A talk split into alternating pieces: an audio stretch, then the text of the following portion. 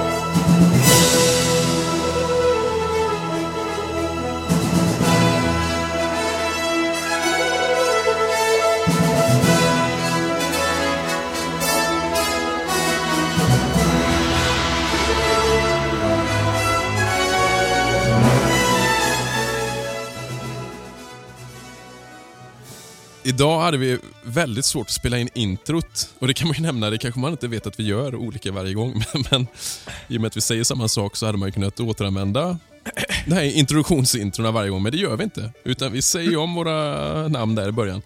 Och det är inte alltid så lätt. Nej, det, ofta händer det någonting som ställer till det lite grann. Ja, idag idag läspar du till exempel. Ja, precis. Jag har fruktansvärt ont i min tunga. Så jag har, ja ni hör, jag har svårt att säga S. Och det är jobbigt för då ska vi prata om svenskar i Minnesota. Bland annat. Mm. Ja, nu var det återigen ganska länge sedan vi spelade in ett avsnitt för vi körde ju Holiday spelade vi in eh, innan jul. Ju. Mm. Det är jättelänge sedan. Ja. Vad har hänt i västernsammanhang för er sedan dess? Jag märker det, att jag får ju en, en lucka i mitt västernintresse någon gång. eh, Det börjar avta redan i, på hösten någonstans. Mm. Eh, sen är det nästan lika med noll i december, januari någonting.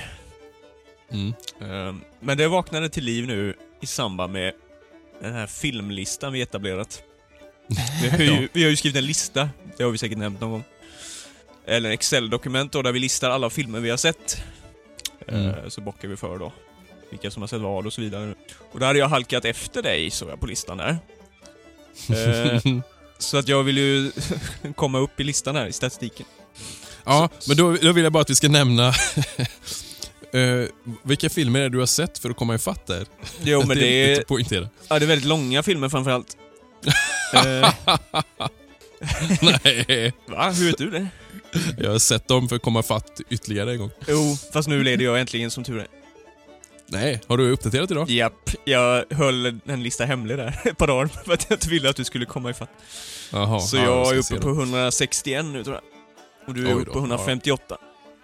Ja, ja, då ska jag se dem. Ja, vi kan ju nämna, det är ju alltså stumfilmer som Simon har eh, smäckt nu på löpande band. Ja, inte bara i och för sig. Det är en hel del 13-filmer med. Ja, Ehm, men, men många är det ju. Tre.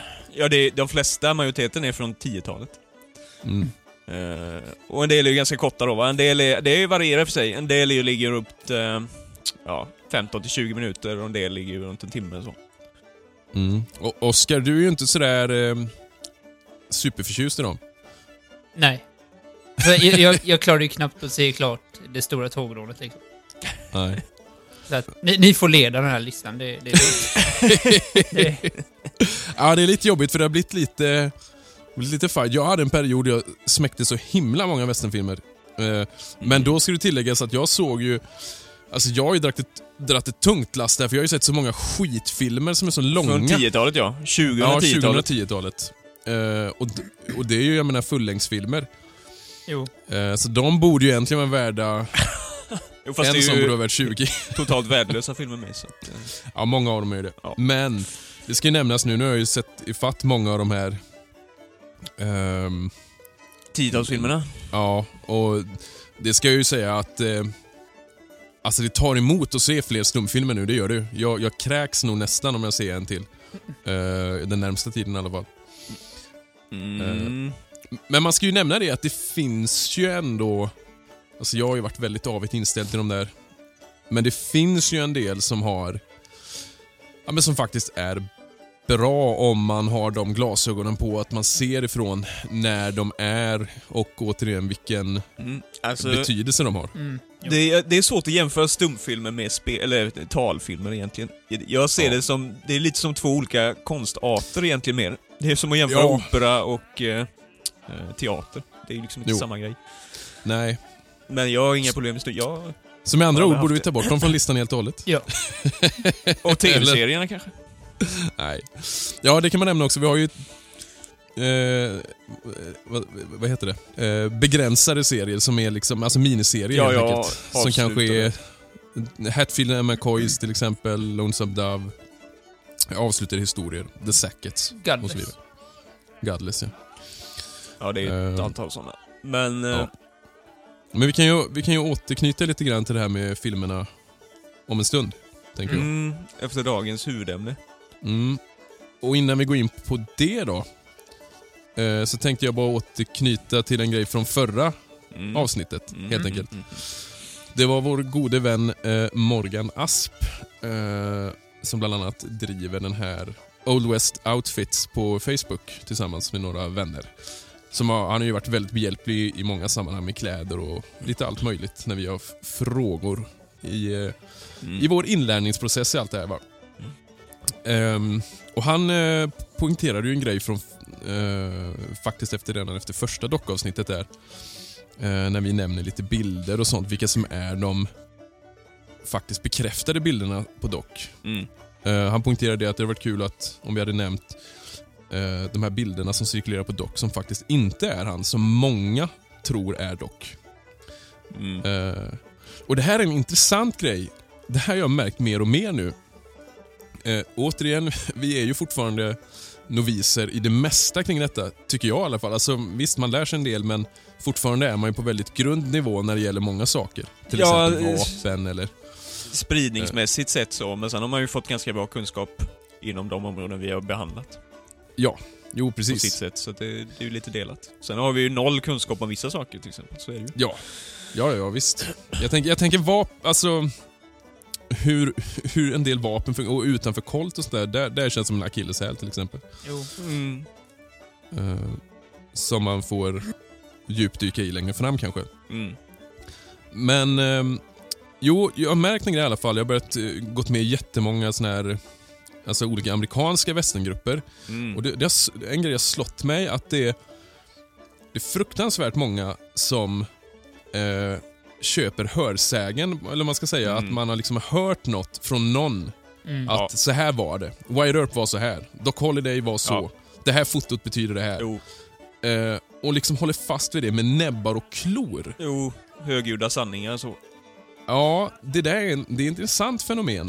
Eh, för det, det spelar ingen roll. Jag har märkt, eh, om man själv börjar påpeka, eller andra gör att ja, fast det finns ju, här är vittnesmål på att så här gick det till egentligen. Mm. Eh, det du pratar om är en gammal skröna från en skönlitterär bok eller mer baserat på film eller vad man ska säga. Mm. Och det är väldigt intressant det där. För det, det är många som, det, det går inte liksom att överbevisa dem. Mm. Det är som att man lever i en viss sanning. Mm. Jag såg nyligen, är det någon av er som är med i den här, eh, det är en Tombstone-grupp på Facebook. Eh, Ja, jag tror jag är med den. Då kom det ett foto på en, eh, en saloon där de spelade, nu vet jag inte om det var Faro eller poker eller något spel. Ja, just, det har jag nog sett den bilden, tror jag. Ja. Om det är 1800-talet i alla fall. Ja, och då sitter en kille som skulle kunna vara lite lik Wyatt, men eh, är ju antagligen inte det. Nej. Och så är det jättemånga som skriver ja, det här är Doc Holiday. Det är en bild på Doc Holiday. Så är det en bild på en kille i bakgrunden som jag gissar att folk tänker är honom. Mm. Framförallt för att han är lite lik den här herren.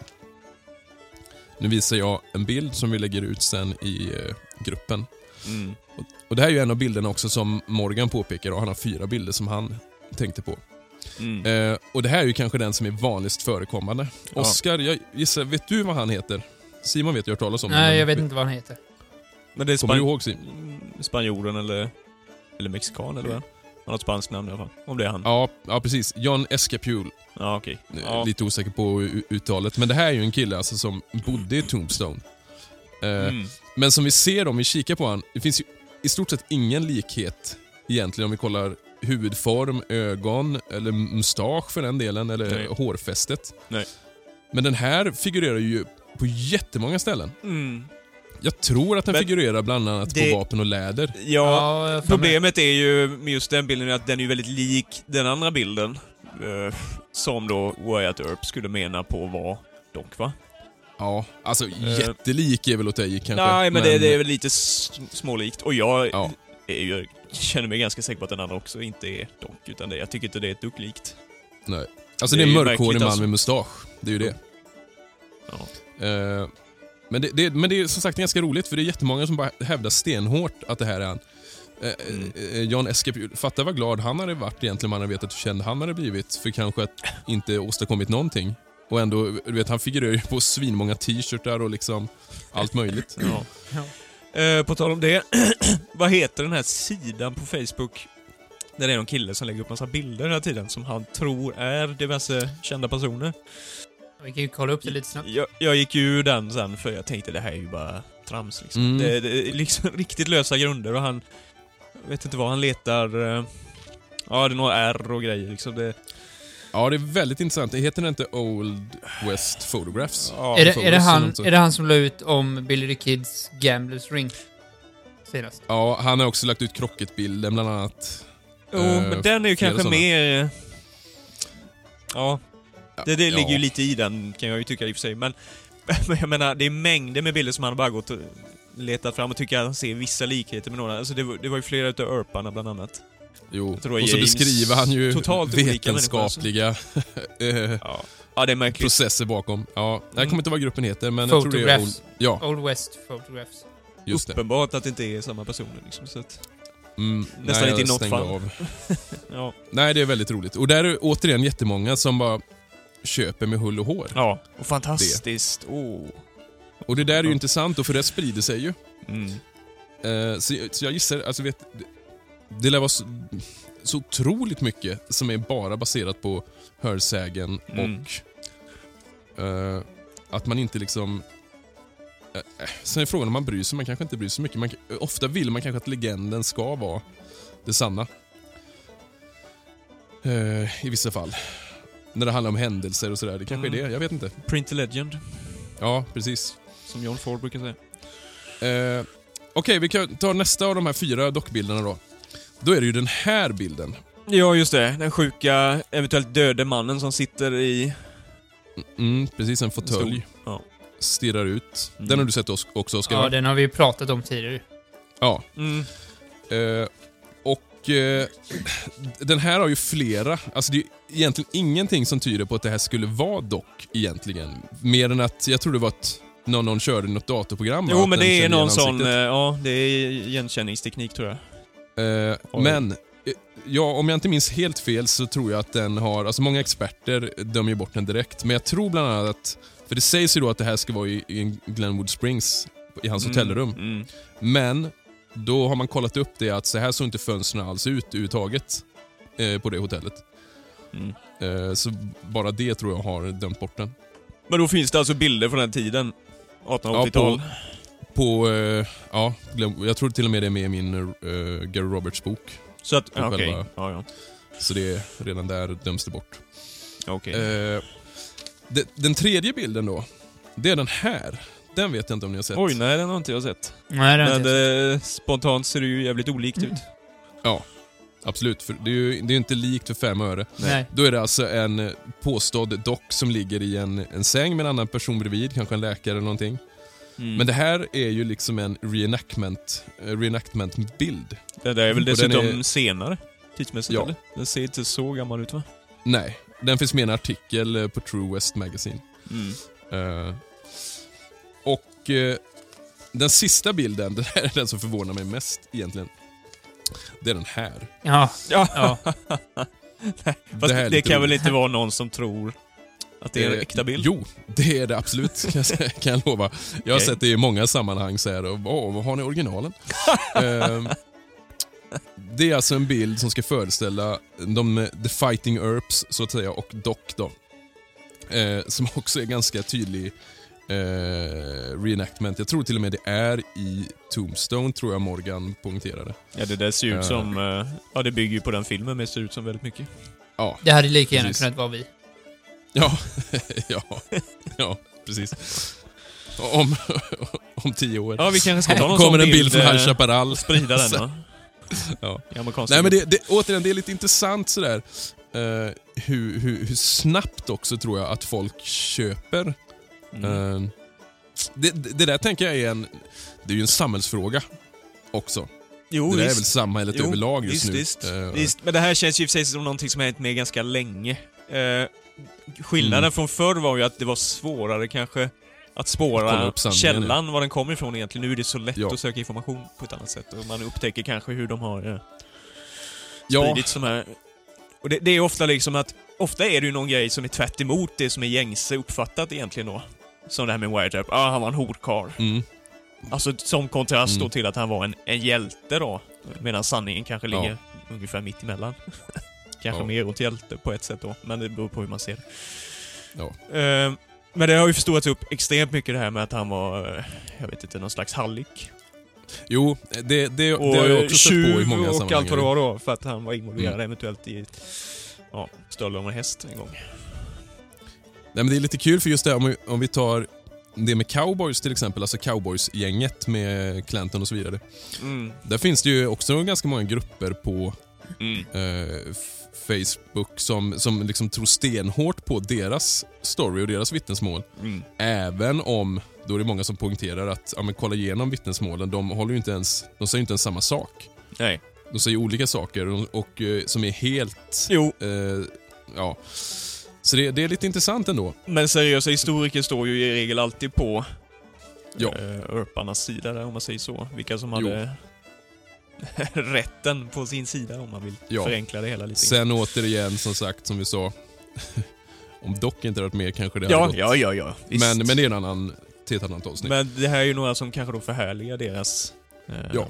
Ehm, Men återigen, stort tack till Morgan då, för det var ju bra grej att ta upp. Det borde vi egentligen haft med förra gången, men det är bra att poängtera. Ja, vi nämnde väl det bara då att egentligen finns det ju... Visst är det, det är ju tre foton som är 100% bekräftade eh, över dock Ja, egentligen va? Och alltså- sen är det kanske fyra, troligtvis då en till, där han är Mm. lite yngre där. Ja. Eh, Men det ser du när han är bebis då, och sen så är det när han tar examen. Och den här från, eh, vad är det, 79? Prescott. Nej, Ja, Prescott ja. ja Prescott. Det är nog 79. Mm. Mm. Mm. Ja, men ska vi lämna den gode Dock och gå in på dagens huvudämne kanske? Ja, jag vet inte hur vi kom på just det här ämnet, men vi, var det något som föranledde det? Det minns jag inte, men åtminstone ska vi prata om svenskar i vilda västern. Det är ju lite intressant så, för att det är ju inget namn direkt som man har hört talas om som någon riktigt stor kändis. Nej. Så. Um, vi har ju varit inne lite och nosat på det. Bland annat i andra avsnittet med Jesse James. Mm. För då skjuts Ja, ju en svensk nämligen. Ehm, Ja. Då är ju dock inte i västern. Nej. Nej, precis. Om man ser Det är ju det som är lite- Då, och svenska generellt sett, ja det är ju precis. Men jag vet inte, om vi ska börja, jag skulle kunna inleda bara och ta lite sån här fakta, alltså kalla fakta så att säga. Siffror Mm. och sånt då. Eh, men, men om man börjar med emigrationen till Amerika från Sverige. Alltså de första svenskarna kom ju redan på 1600-talet till Delaware. Eh, Mm. Nya Sverige då. Och det, det var väl ett par hundra tror jag. Kanske 800 någonting sånt där. Eller 700-800 har jag för mig. Jag har läst någon siffra någonstans. Eh, både svenska och finska då. I och med att Finland var ju en del av Sverige. Mm. Eh, men sen så dröjer det ju fram till, ja det är ju framförallt runt mitten av 1800-talet, 1850. Och sen egentligen till 1920-talet. Är det väl egentligen. Ja, precis. Det ju, och det handlar ju om, och då är det egentligen, alltså emigration från Europa, eller till USA. Det, här, har ju hållit på ja, egentligen hela tiden. Till viss mån Mm. då va. Men eh, tidigt 1800-tal då är det ju mycket mer brittiska öarna, alltså engelsmän, eh, skottar, Irländare. Ja, irländare precis. ja. Eh, sen runt mitten av 1800-talet så är det ju mer eh, tyska Tyskar till exempel då va. Och Mm. skandinaver med såklart. Eh, och även andra grupper. Ehm, men i alla fall då, om man kollar på Sveriges befolkning. Vet ni hur många som bodde i Sverige runt 1850? Oj. 1850. Nej. Nej. Om det är 10 nu, Mm, det har hänt rätt mycket på senaste hundra åren kan man säga. ja, alltså var det ens fem? 1850 nej. Nej, det var det inte. Nej, nej två, Nej, det var knappt fyra. Nej, det var tre och... Ja, nästan fyra. Tre och åtta och sånt här tror jag det var. Mm. Ja, över tre var det i alla fall. Men, eh, och sen då, om du hoppar till 1900, så är det runt fem. Eh, Men för att jag jämför då med siffrorna hur många som emigrerade, Stack. så får Mm. du ju gå till 20-talet. Och då ligger du runt 6 miljoner. Mm. Eh, Och hur många som... Ja, vet ni det? Har ni någon siffra på hur många som har emigrerat? Svenskar alltså. Har, har inte vi pratat? Nej, Var, för vi har pratat om det. Ett, Det- quiz va? Det är ju en ganska vanlig... runt en miljon va? Ja, precis. Det är ju vanligt så. Mm. Och det är väl lite mer än det egentligen då. Det är nästan en och en halv. Mhm. Alltså som vid något tillfälle då, ungefär 1850 till 1920-talet. Eh, Det är väldigt mycket egentligen. Ja, men det är ju en viktig grej då va. Att många, dock inte ens hälften i och för sig, men en femtedel av dessa kommer ju tillbaka. Mm. Ja. Så kanske 200 000 då kommer ju tillbaka igen. Mm. Alltså det, det är bara, det kan vi ju ta något exempel där till exempel. Vi har ju nämnt en släkting. Eh, Mm. Ja, till mig och Emil då, i och med att det inte är på vår mammas sida. Alltså vår morfars... Eller det, han har vi nämnt innan ju. Han som stack, hamnade i Deadwood. Det kan vi ju Mm. kanske nämna lite kort om sen. Men i alla fall, vår mormors morfar, han var ju en sån som, eh, han stack 1893. Eh, då är det ju norra USA i och för sig då. Och jobbade i två år, sen kom han ju tillbaka igen. Det var ju ganska vanligt alltså. Att man arbetade på... Vet, vet du var de gick i land förresten, svenskarna generellt sett? Var, är, det, är det New York? Ja, Eller var, jo, Ellis Island är det ju. Ja, det är där de kommer. Ja, och sen Mm. så är det ju alltid... Det är ju en lång resa va, det tar ju... För mig att det är, det är tre månader och sådär. Alltså det är en riktigt lång resa och sen så mellanlandar du ju, eller du går ju alltid via England i princip då. Mm. Hull är väl vanligt. Bluebird of Hull. Mm. Ja, för jag kollade någon immigrantrutt så här, och då var- det från London var det mycket och från eh, eh, en annan om du kom från Frankrike och så här. Mm. Mm. Men om vi tänker då den stora massimmigrationen egentligen. Mm. Det är ju i början på 40-talet som den startar ju. Ja, du Eh, menar till USA till USA, Sett, ja. Mm. Och då är det mycket tack vare en Gustav Unonius som eh, ja men, men menar du svenska nu alltså? Ja. ja Okej. från Uppsala universitet, den här killen då. Och han var ju med och bildade New Uppsala i Wisconsin. Mm. Och han skrev ju hem till Aftonbladet om hur bra det var i USA. Eh, så då började ju eh, folk mer dra sig till Ja. Om jag förstått det rätt. Och anledningen är ju också, det får man ju nämna liksom varför man sticker. Det, är- alltså det är ju fattigdom såklart. Och du, Mm. du har ju risk, och det är den här, vad är det inte Homestead Act eller? Jo. Eh, som då lockar till, alltså om du odlar Fast din jord- vänta nu, frågan är ju när... Vänta Ja, det är ju senare. Den ja, det är ju senare. Ja, det är ju, Ja, precis. Men det, det, den stora massan kommer ju senare. Alltså det börjar ju då, men mängden Ja. är ju senare egentligen. Mm. Eh, Ja, men överbefolkning i Sverige också. ja, men just, Eh. och sen var det ju missväxt där under 1850-talet. Eh, Ja, dåliga skördar många år. och- Och sen mm. det här då med att eh, det är ju alltid äldsta sonen tar ju över gården i regel ju. Ja, det är Mm. lite olika. Men det är ju en som tar över gården och ofta är det ju ganska barnrika familjer. På Ja. 1800-talet var det ju det i alla fall. Och då måste du ju hitta ditt levebröd på något annat sätt. Och det här var ju en... Mm. Det var ju något som lockade. Och just de här breven hem är ju klassiskt, liksom Amerikabreven. Som då lockade Mm. folk. Det var så väldigt fint och bra, kanske överdrivet i vissa fall då. Ja. Och jag tänker också att det, guldruschen, är det, är det 40-tal va? Ja, I Kalifornien. 49 är det klassiska året då va? 49ers. Så det lär ju också eh, alltså lockat till exempel. Eh, och så var det ju billiga Ja. marker framförallt i Illinois, och Iowa, och Minnesota och eh, Wisconsin. Men som sagt, det är ju, Precis. Det är ju inte så himla långt. Eh, om vi tänker Minnesota till exempel som blev ett stort nav ju, Mm. och, fortfarande än idag. Mm. Det är ju inte sådär superlångt västerut egentligen. Nej, det, det är det ju inte. Eh, Chicago var vi inne på lite grann. Det var ju också Mm. ett, eh, ett stort nav. Det var nog där flest, alltså i mängd, flest svenskar bosatte sig, tror jag. Mm. Ja, för jag hittade massa, jag hittade någon, en gammal, eh, någon hade skannat in någon, någon bok. Mm. Typ som en, eh, ja, det var nästan skrivet som en dag, eller en sockenbok eller någonting liksom. Mm. Eh, och då stod det, han eh, var konstapel och lite sådär. Ja. Just i ett svenskt samhälle. i Just USA. det. Så det var lite kul. Ja, de har ju egna kyrkoböcker där för de här svenska församlingarna, vet jag. Mm. Jag har inte kikat på dem än, men jag har släktforskat en hel del så att jag är ju lite bekant med de här källorna. Men just eh, de har jag väl inte kollat på så mycket än, nej. Men det är lite spännande.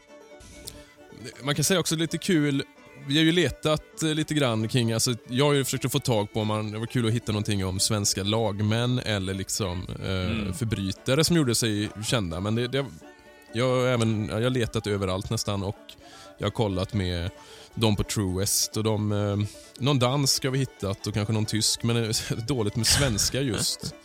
Eh, I alla fall västerut. Mm. Eh, Mm. men däremot kan man, jag tänkte man kan bara nämna hur, hur eh, svenskarna såg som, eller från ett amerikanskt perspektiv, eh, så var de ju väldigt liksom eh, populära immigranter om man säger så. Mm. Eh, för svenskarna var ju liksom, de var ju arbetsvana redan och redo att arbeta. Så de var generellt sett välkomnande av dem. Och det var många, ofta som ansåg dem som, inom citationstecken, de bästa immigranterna. Mm. Så det fanns liksom ingen antisvensk mentalitet på samma sätt som man hade mot irländare eller tyskar eller framförallt då kineser på den tiden. Mm. Ehm, och här kommer ett litet citat från en eh, kongressman. eh, Men tyskar, MW var de verkligen eh, illa sedda? Ja, Irländare jag ju. läste någonting. Jo, jag läste... Nu kommer jag inte ihåg vad det var, om det var liksom antisocialt eller om det var att de inte ansågs vara lika arbetsföra. Okej. Ja, ja. Eller lika kapabla. Det var något sånt i alla fall, har jag läst på eh, lite olika ställen. Mm. Men så här säger då den här kongressmannen. Eh, They are not peddlers, nor organ grinders, nor beggars. They do not sell ready-made clothing nor keep pawn shops. They do not seek the shelter of the American flag merely to introduce and foster among us socialism, nihilism, communism. They are more like Americans than are any other foreign people. Och däremot så finns det ju eh, såklart eh, skuggsida av det svenska amerikanska samhället med. Till Mm. exempel, för vi pratar om det Simon, ju, att någon gång så framställs svenska immigranter som eh, fattiga och liksom ah, det finns ju en eh, och, uppmärksammad bok, där Swedish Hollow. Ehm, Ja, Jag kommer inte ihåg var det är i USA nu, men... nej, den Det är ju- ligger ju i Minnesota. Ja, det ligger där. Och det är ju Mm. lite av en kåkstad, eller slumstad ju. Jag har faktiskt inte Ja. läst den, men jag har ju bara hört talas om den boken då. Och just där så levde de i, mis- i misär och det beskrivs Ja. ju i mindre positiva ordalag. Ja, exakt. Så den, den kallas ju Swe- Swedish Hollow, alltså Svenska dalen hette den Mm. eh, på, i, för de immigranterna. Mm. Och det var ju alltså, just då var det ett av de fattigaste ställena i hela USA. Mm. Eh, ett skjul till exempel, om man, för det var ju så här skjul man hyrde in sig i. Mm. Och de kostade en och en halv dollar i månaden. Eh, vad kan det bli motsvarande idag? Inte så jättemycket i alla fall. Eh, men man kunde bli vräkt när som helst, man hade inga som helst rättigheter där. Nej. Eh, och yrken för kvinnor där, det var främst hembiträden, sömmerskor eller prostituerade. Och männen jobbade nästan uteslutande för järnvägsbolaget Great Northern. Mm. Eh, men så småningom så letade sig ju svenskarna ut ur det samhället och eh, er, ersattes så småningom av polacker, irländare och italienare. Mm. Och sen ännu längre fram, typ om det kan vara ja, början på 1900-talet någonstans, så ersattes de av mexikaner. då. Så innan det, hela Swedish Hollow Mm. fördömdes liksom, så var det ju mexikaner som bodde där istället. Mm. Om vi tar inbördeskriget då. Ja, det kanske är bra att börja där ändå. Det, var, det började vi snacka ganska tidigt om där att, som sagt, i och med att de flesta svenskarna försvann till eh, norra delen av USA, eller Mm. det som åtminstone är eh, unionen då, eh, så hamnar ju såklart de flesta svenskarna i, på den unionssidan i kriget. Mm. Eh, och vi försökte ju leta efter lite sydstatssvenskar eh, och lyckades dyka på en artikel faktiskt gällande just det. Eh, alltså gemene soldat då, kan man säga. Det, där hittar du de flesta på eh, nordstatssidan, så är det ju. Mm. Men däremot, eh, för de som eh, stred för konfederationen så är det ju ofta lite ur högre samhällsklasser. Och då är det ju ofta alltså befäl. Eh, Det är faktiskt en hel del. Det var lite intressant. Det hade jag inte alls koll på. Eh, kan vi, vi kan ju börja lite med dem då, bara för att de är lite ovanligare. bara för Mm. skojs skull. För du hittade ju en person som jag kollade upp lite grann. Eh, Mm. Roger Waitman Hanson. Mm. Hansson, det låter ju svenskt tänker man och det stod ju på, Alltså det här är fortfarande lite Precis. luddigt. Många ställen. Ja, det här Ja, ställer ju till det. Jag har försökt liksom hitta då, det är inte så att han är född i Sverige, absolut inte, och inte hans föräldrar heller. Utan att det är i sådana fall så att han är ättling till, eh, alltså de första Delaware-svenskarna då. Mm. Det sägs nu, detta är luddigt och även i den artikeln med fotnötter och allting eh, så är det frågetecken kring ursprunget där men den tidigaste då förfadern ska ha varit med i Lützen tydligen då Mhm. under Gustav Adolf. Eh, och sen så var det väl då, någon gång på 1600-talet så slog de sig ner i Delaware. Eh, och han ska vara ättling då i, det blir ju ett par led, så han är ju svensk ättad snarare då. Och om Mm. det nu överhuvudtaget stämmer, men visst, det är väl inte så osannolikt. Eh, Namnet låter ju, fast Hanson, ja. Fast det roliga där då är ju för att det står oftast att hans... Är det hans farfar som Ja. det står att han var svensk? Ja, det där, det är konstigt. På fler, det är det inte. flera källor? Nej, det är ju ja, väldigt det är märkligt. jättemärkligt, för det går flera generationer bak liksom i Där har vi USA. ett exempel på det här att man har Ja, hört något och... Det är lite så, faktiskt. Mm. Men i alla fall, man, man kan ju bara dra lite kort historik kring honom. Mm. Eh, han var med i Mexikanska kriget eh, 1846 till 48. Så fick han ju lite militär erfarenhet. Mm. Eh, men sen så, hans far Samuel var eh, Samuel då. Ännu, ännu Samuel. Det är det enda namnet då. Ja, precis. Eh, han var advokat. Eh, så han gick väl i sin fars fotspår och utbildade sig också till advokat. Och han var en unionsman från början. Mm. Men ändrade och ehm, bytte ståndpunkt där 1860. Eh, och då gick han med i Kentucky State Guard. Det är alltså motsvarande nationalgarde. Mm. eh, som överste. Eh, och sen så slutade då kriget kom såklart. Som ni känner till. Och han slutade som brigadgeneral. Han blev utnämnd som det 1862. First Kentucky Brigade, som kallas Orphan Brigade också, folkmun. Mm. Eh, han blev sårad den 2 januari 63 och avled två dagar senare. Mm. Men han är ganska känd. Eh, trots att inte jag kände till honom innan då. Har det visat sig. Eh, men det finns fler, som sagt, han var ju någon general alltså. Och här har vi också Charles Gustavus Dahlgren, om ni känner till honom. Nej. Eh, och det här är också jättekonstigt, för i den här artikeln jag letade upp, det är fullt med felaktigheter, för där står det nämligen att Dahlgren, att det namnet togs av hans farfars far 1615. Och det har jag lite svårt att gå, gå ihop liksom rent kronologiskt. Hur hans farfars far kan vara född runt 1600 då. Det är inte Ja, rimligt. Det. det. faller ju liksom på sin rimlighet där. Men... Eh, Jo- Jo- Yoda-längd eller ålder. Ja, Mm. jättemärkligt. Men eh, det, det kanske är hans... Eh, vad kan det bli? Farfars farfars farfar eller någonting sånt där. Ja, ja, ja, ibland måste det vara att de skriver Ja, typ... grandfather och sen betyder Ja, det att det är exakt. flera generationer. Great, great Mm. grandfather och bla bla bla. Ja. Men i alla fall då, eh, namnet Dahlgren kommer från en gård i Östergötland, Dalby, tror jag. Och sen, ja, det, nu tror jag att det är hans farfar, så att det inte är hans farfars far. Eh, var i alla fall eh, en utav Linnés lärjungar. Det är ju lite kul. Mhm.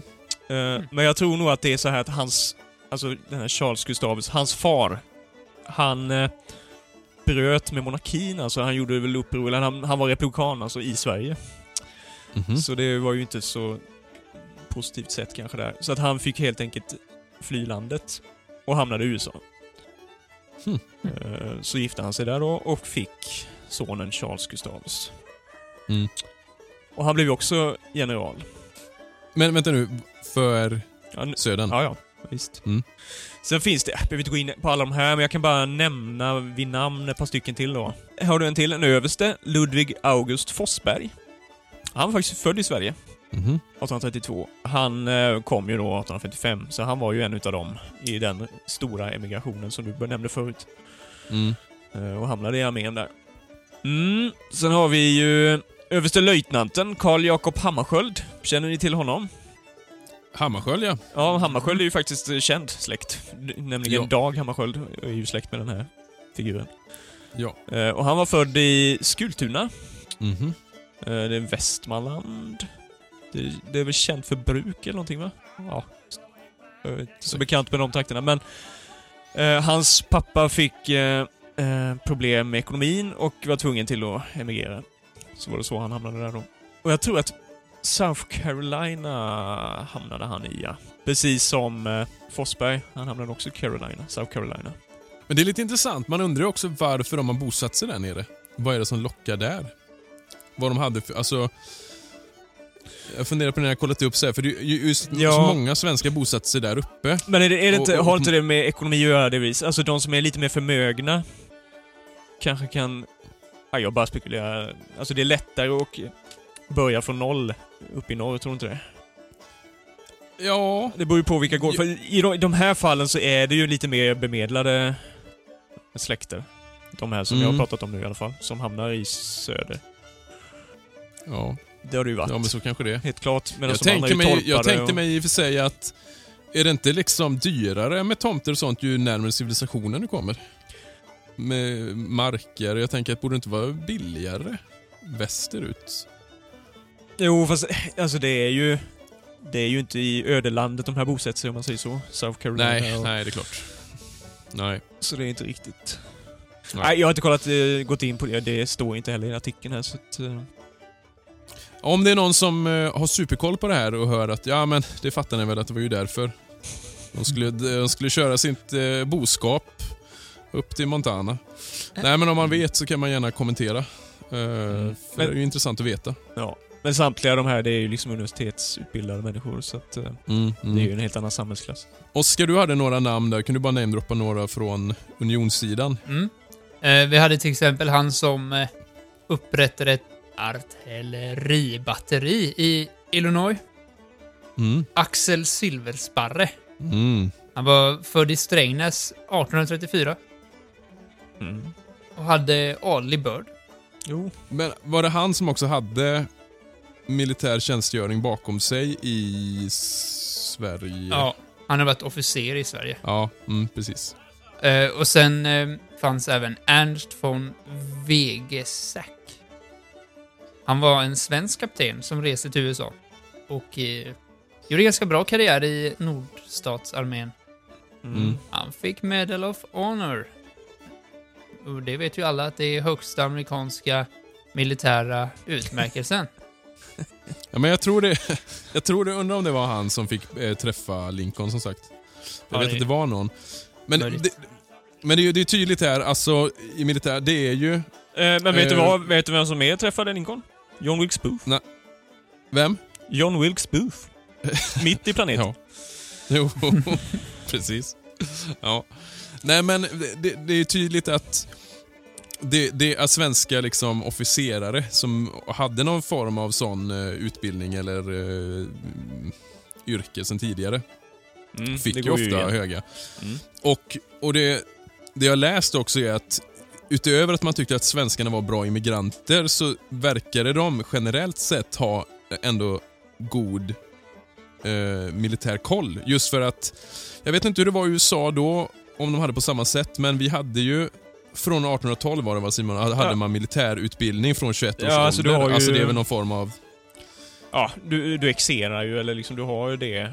Om, om det är Ja. en gång om året eller om det är fler. Ja, det är under en viss period när du är vid viss ålder då va. Sen kommer Ja. den allmänna värnplikten, men det är först 1901 tror jag. Ja. Men visst, ganska god Ja, för vapen... de flesta svenskar som deltog i kriget hade ju liksom militärutbildning redan. Mm. Eh, och det tror jag inte... Man får ju tänka också då att många, det har vi ju pratat om innan, att många amerikaner i alla fall som deltog var ju väldigt unga. Alltså det var ju från 15-16 år liksom Mm. till... Det var ju inte många som var över 30-strecket verkar det som. Mm. Och det pratar ju även de vi pratat om här, officerare, var ju runt 30 då. Eh, om du pratar om någon som var född på 30-talet. Det var väl också generellt sett sydstaternas styrka med att de var ju, hade ju bättre vapen... eh, De, var, de är mer vapenövade helt enkelt. Ja, ja precis. Mm. Eh, det, var- det var en koloni som hette Bishop, Bishops, eh, Bishops Hill, måste det vara, eller Bishop Hill Mm. eh, i Illinois. Mm. Och de var ju då, de här, de deltog ju med ett helt eget regemente. Ja, Illinois är ju Eh. mycket svenska också. Ja, precis. Ja, och då var det under den före detta svenska sergeanten Erik Forse. Mm. Eh, och han steg ju graderna sen till major. Mm. Eh, ja, Ehm, ska vi... Det är ju lätt att fastna i inbördeskriget. Ska vi gå ja vidare? jag kan bara säga hur Ja. många, kan ni gissa ungefär hur många svenskar deltog i inbördeskriget? På vardera sida då. Men då är frågan... sammanlagt. Sammanlagt. 3000. Ja, men vänta lite då. Jag måste bara... Då räknar man svensk ättlingar med då, eller? Det vet du kanske inte? Nej, det vet jag ju inte. För jag menar, så att det är inte de som är födda i Sverige specifikt, för då går försvinner en del. Ja, nej, det, det behöver det nog inte vara, Okej. gissar jag. Ja, nu ska vi se. Ja, 2000. 4000 ungefär. Jaha, vad ska man? Det är sjukt många Det är faktiskt. mycket. Det, Det trodde man ju inte. Nej. Eh, och, förmodligen var det, jag tror det var så här att som immigranter, då, då räknades de som frivilliga. I alla fall på unionens sida. Mm. Eh, så de lockades ju förmodligen med hög bonus på lönen. Eh, man fick en extra bonus om man deltog som frivillig. Mm. Mm. Finns det några siffror om hur många svenskar som stupade då? Nej. Det, det, jag har läst någonstans att, eh, till exempel som det här regementet, att de svenska trupperna, eh, enskilda trupperna, att det gick bra för dem i alla fall. Att, eh, Mm. Jag tror att de inte led så stora förluster. Nej. Eh, ja. Men ska vi lämna inbördeskriget lite Ja, det tycker jag. Eh, Dra oss västerut kanske? ja, jag tänkte, ja det här är ju inte så himla långt västerut i och för sig, men eh, det är ändå kopplat till västern på ett annat sätt. Eh, jag tänkte nämna lite kort, det här är under inbördeskriget, men eh, det handlar om Dakota Sioux-indianerna. Mm. För då fanns det ett eh, uppror som kallades Dakota-upproret eh, 62. Och då var det en grupp med Sioux-indianer som gjorde uppror mot, ja det var väl egentligen kortfattat utan att gå in på detalj, hur de och deras land behandlades. Det här med att man ja, bestämmer att så här ska ert reservat vara och sen tar vi tillbaka och ändrar hela tiden. Mm. Lite eh, Vader och Lando. eh, vad heter det? Förändra dealen hela tiden. Upproret eh, leddes av hövdingen Little Crow. Och eh, bland annat den 20 augusti 62 då, så gick det inte så bra för svenskarna.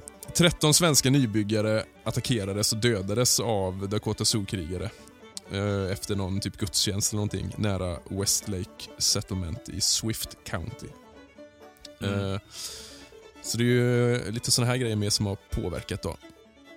Och styrt säkert eh, vart man har bosatt sig, tänker jag. Mm.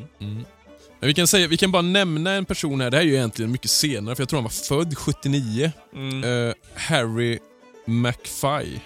Eller McFee, jag vet inte Mc- riktigt hur det uttalas. Ehm, han var ju liksom en äventyrare, typ trapper, pälsjägare. eh, och höll på med kanoter. Han var väl den som, han, jag tror han importerade eller liksom tog med hantverket hem hur man gjorde kanadensiska kanoter. Ehm, Hmm. Så jag gissar att det finns något som heter typ McFee eller McFie kanoter Ja, i Sverige. hade du läst om honom eller vad, vad hände? För jag bara kollade upp honom som hastigast där, att han var ju född 79 tror jag, 79. Ja, precis. Eh, Så precis. han bör ju rimligtvis ha stuckit över, ja, gissningsvis sent 1890-tal då. Mm. Eh, Ja, han, var, han var född i, vad var det, på västkusten. Lysekil har jag för mig han var född. Ja, Ja. just det. Så var det. Sen har inte jag, mitt abonnemang på Arkiv Digital har gått ut tyvärr, så jag har inte kunnat Mhm. kolla vilket år han eh, stack. Stack. Men- Men det bör rimligtvis vara någonstans mellan 95 och 1900 skulle jag gissa på. Ja, jag tror jag läste en historia här, vi ska se. Eh, ja, 1901 var han ju i alla fall där, för då Mm. eh, fanns något med... Då var han i Kanada. Ja, Eh, då var han just då, då. 20, 21 då.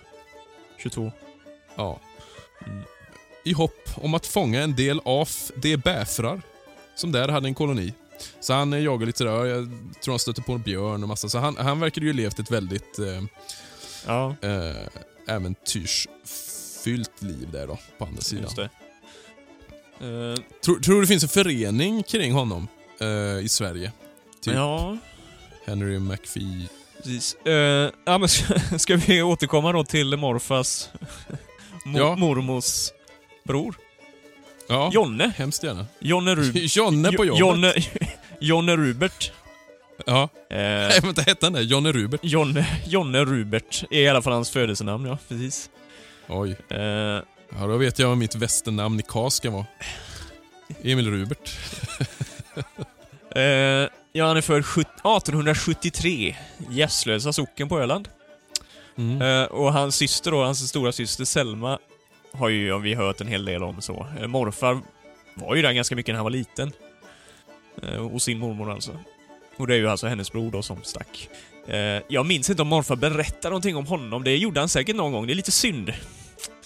För det är lite häftigt. Jag försökte ju spåra honom sen då i och med att jag visste att han, han emigrerade. Mm. Eh, och det var inte så länge sedan jag hittade honom sen i USA. Eh, han... Vid liv! Precis. Han är världens äldsta nu. Det är lite häftigt. Ja, förlåt. Så. Ja. Men... Eh, ja, Han satt där och var tyst, han sa ingenting. han emigrerade i alla fall 1891. Mm. Eh, i USA är det ju lite bökigare med släktforskningen. De har ju så kallade census, alltså den, den amerikanska folkräkningen. Eh, Mm. Den verkar upprättas var tionde år ungefär så här. Så att, eh, så att den första census han dyker upp i är ju 1900 då. Eh, och då är han i Deadwood. Som Teams. så sent ändå. Ja, ja. Ja, vadå sent? Mm. sent. Nej men jag tänker att... Eh, Alltså det är Nej. ju nio år där jag inte vet vad han är då. Eh, från Mm. 91. Men antagligen är han ju där då med, skulle jag ju tro. Och han eh, står som Teamster, alltså som kusk då. jaha. Så det är Ja. lite häftigt. Det är ju ett riktigt västernyrke. Ja. Eh, sen är han fortfarande... Nej, vänta nu. Nej, han är kvar i alla fall eh, 1910. Eh, då har han gift sig då och barn. Då är han nog eh, eh, i brandkåren har för mig. Jaha. Som chaufför. Så han kör nog brandbil då. Det är ju lite häftigt. Tidigt. Mm. Sen är han nog kvar i bilbranschen på något sätt. Jag tror han jobbar för järnvägen senare då. Han flyttar väl till Colorado. Han dör i Denver 1942. Men han har ju säkert varit med om ett och ett annat i eh, Deadwood, kan man tänka sig. Ja, det låter 1900-talet. bara att... Men jag undrar vad det var som lockade med just Deadwood återigen. Nej, det, som det är, lite o... Nej, det är lite udda där ju. För jag tänker just att det är så sent med det här, för det som lockade innan kanske var dels att det var en... ehm, vad heter det? En stad på uppgång och det här med... Uh, Ja. Vänta nu, är det guld det är det va? Ja, ja, ja det, Det är det, inte det. silver, det måste vara Nej, guld det är inte silver. Deadwood. Precis. Ja, det är det nog. Han, han kanske hade sett serien. ja, precis. Nej men det måste ju vara 70-talet va? Som... Ja, eh, i och med att den är ganska... När är det Örparna är där? Och när är det han blir ja, skjuten det måste ju nu? vara eh? typ 70... Är det inte 76? Nej, jag glömmer alltid. Nej, vilket år är det han blir skjuten? Och så hjärnsläpp nu. Det är 76? Nej! Ja, är det inte det? Vad är det som är 76 då? Ja, 76 är det. Ja, 76 blir han Mm. skjuten, precis. Och då är den ju väl relativt ny, va? Ja. Så det, må, det bör ju vara 70-tal. Tidigare än Ja. så lär det ju inte vara. Nej men just därför har det återigen varit intressant att veta vad det är som lockar med Deadwood just. Eh, ja, just det. Den är ju faktiskt grundad samma år som han blir skjuten. 76. 1876. Mm. Eh, Mm. mm. Men sen när han kom hit, Ja. och det vet vi ju inte, men ja, kanske redan 91. Men då är Ja, det ju ett par år på... Ja, det är lite häftigt faktiskt. Gamle Jonne, det trodde man inte var honom. Och då heter han ju såklart eh, John Rupert Nelson. Mm. Vad har Rupert var inte efternamnet? Nej, nej. Nil. Nilsson. Ja, ja. Okej. Ja, det var inte lika ballt. Eh, fast han heter ju Nils, vet du. Ja. Nils-Johan. ja, där ser man. Mm. Ja, där skulle vi faktiskt kunna slänga ut en fråga här då. Så att om det är någon som sitter på information om någon känd svensk i västernsammanhang får man jättegärna dela med sig med det.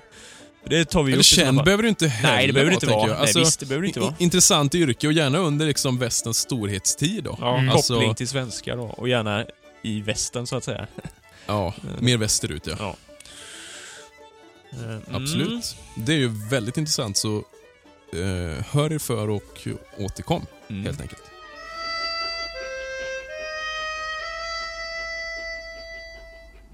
You uh, interested in fashions, harmonica? I saw three of these dusters a short time ago. They were waiting for a train.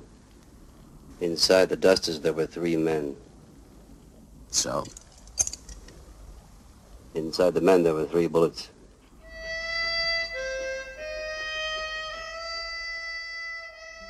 Nu har vi kommit fram till nästa pickadoll. Mm. Colt Navy 1861.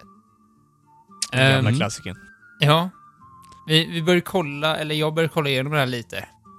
Och märkte ganska snabbt att det var inte jättestor skillnad mot 51 Så nu går vi vidare till nästa segment. nej, nej, nej. Vi, vi kan ta lite, eh, lite upprepning utav de här småfaktan jag brukar dra i början. Mm. Eh, Den tillverkades då mellan 1861 och slutade 73. Precis som Mm. Armin och andra. 51. Ja. Eh, 36 kalibrig. Eh, det tillverkades cirka 38 000. Hur många gjordes det av den andra Navyn? Ehm, jag har för mig att det var ungefär 272 000, men jag är inte helt säker. Ja, det är jäkla skillnad alltså. Var det verkligen så många på den, eh, den äldre modellen? Herregud. Ja, det är ju intressant ändå. Fast det är klart, då kommer den som ett komplement mer. En, upp, en Ja. upphottad version liksom. Ja, precis. De är ju i, Det är väl det, Ja, eller? de Jo. är ju i, eh, Ja, mm. i bruk såklart. Alltså det, det är ju nästan som en... eh, Alltså jag skulle nästan ta det här som en konverterad. Alltså, Ja, en förlängning av Ja. 51 egentligen. precis. Ja. Eh, Den vägde ju 1,2 kilo. Mm. Och det gjorde ju... Eh, 61, eller 51 också. Ja. Eh, samma sak där, att den 33 cm lång och pipans längd var 90, 19 cm. Mm. Eh, utgångshastigheten är också ungefär samma. 260 till 300 meter. Vad var det förut på- då? Ja, 256 till 300. Okej, det är ju Så att- i princip exakt samma. Ja. Marginellt. Ja. Ehm, men det berodde ju på hur laddningen ser ut, hur mycket, hur mycket Ja. krut och sådär den använde. Mm. Hur många grains, Ja. så att säga. Ja, precis. Och precis som eh, 51 så användes den eh, ganska flitigt inne i, i inbördeskriget. Mm. Och eh, civilt i det området man kallar för Vilda Västern. Och även indiankrigen, va? Ja, Tror jag. precis. Mm. Ehm, skillnaden alltså mot eh, Navin 51 då, Mm. eh, det är att den är... Den här är rundad pipa. Ja, precis. Och, Det andra är oktagoniska. ja, precis. Och något annorlunda ramverk. Ja, för hur ser det ut? vid- För eh, laddarmen är väl inte riktigt likadan, va? Heller. Visst är det en skillnad? Utförandet på laddarmen. Eh, ja. Jag för mig att det är det som skiljer dem åt också. Att de största är, alltså största skillnaden är pipan och laddarmen. Ja. Jo, men så är det säkert. Jag har inte gett, kollat inte jättenoga på det. Men det var så att eh, designen på den här, den liknar ju Armin mer än Mm. Navin. Eh, och det var faktiskt så att vissa kavallerisoldater föredrog Navin för att den hade en lättare rekyl än vad Armin hade. Mm. Mm. Och likadant som eh, med de här papperskulorna. Ja, just det. Eh, det var ju här i början också.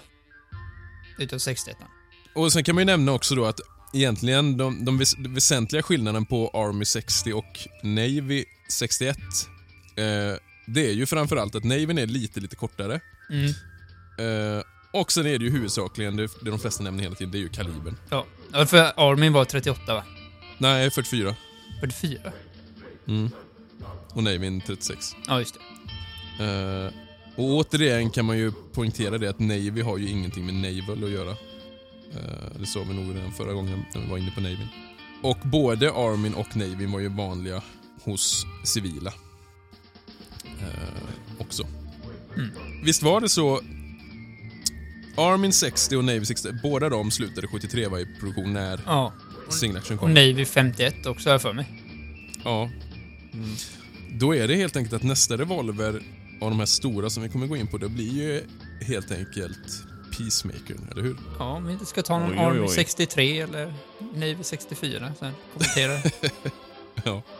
Ja, vilka, för, för, vilka, vilka versioner kom det på eh, Navy? För det måste ju kommit konverterare såklart. Alltså med patroner sen. ja. Eh, jo, det kom ju några konverterare. Till, Mm. till exempel här Rolling White-patentet. Jag tror att vi har pratat om det någon gång innan. Ja. Eh, det gick ut i april 1869.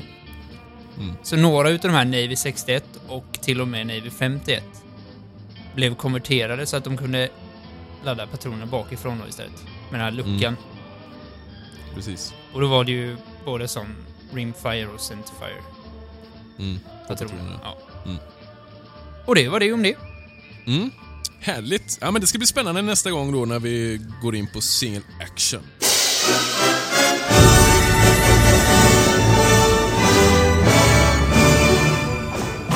Det är lugnt och tyst här ikväll. Just vad det ska vara det, Jake Logan. Ta ditt gäng och stick va. Jag vill inte ha något bråk här ikväll. Nej men eh, en grej som har slagit mig här nu, det är ju att eh, Du pratar ju Simon om att intresset ligger lite svalt, eller nästan till och med dött runt jul. Ja, för mig är det så. Ja. Eh, alltså visst, jag har inte sett lika många filmer sådär, men jag känner på något sätt... Usch, jag- jag tycker det växer istället hela tiden.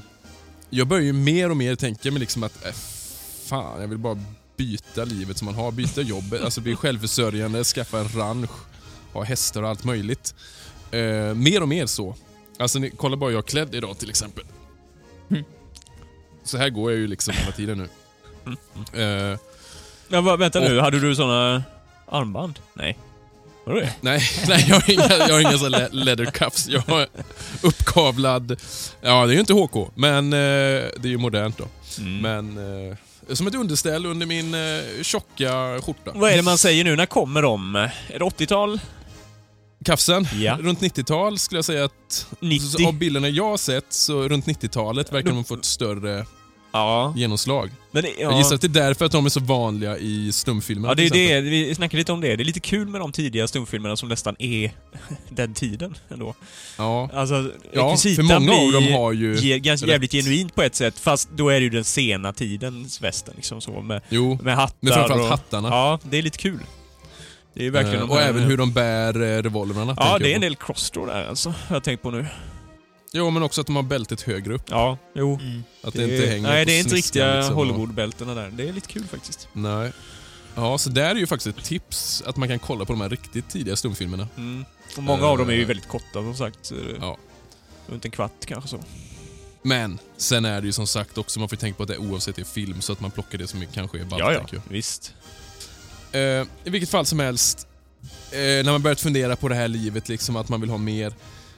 Eh, jag har börjat kolla till exempel vad kostar det med svartkrutare om man ska köpa det. Vi, vi har ju insett det att det går ju inte...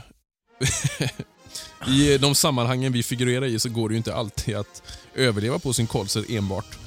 Eh, det har vi märkt.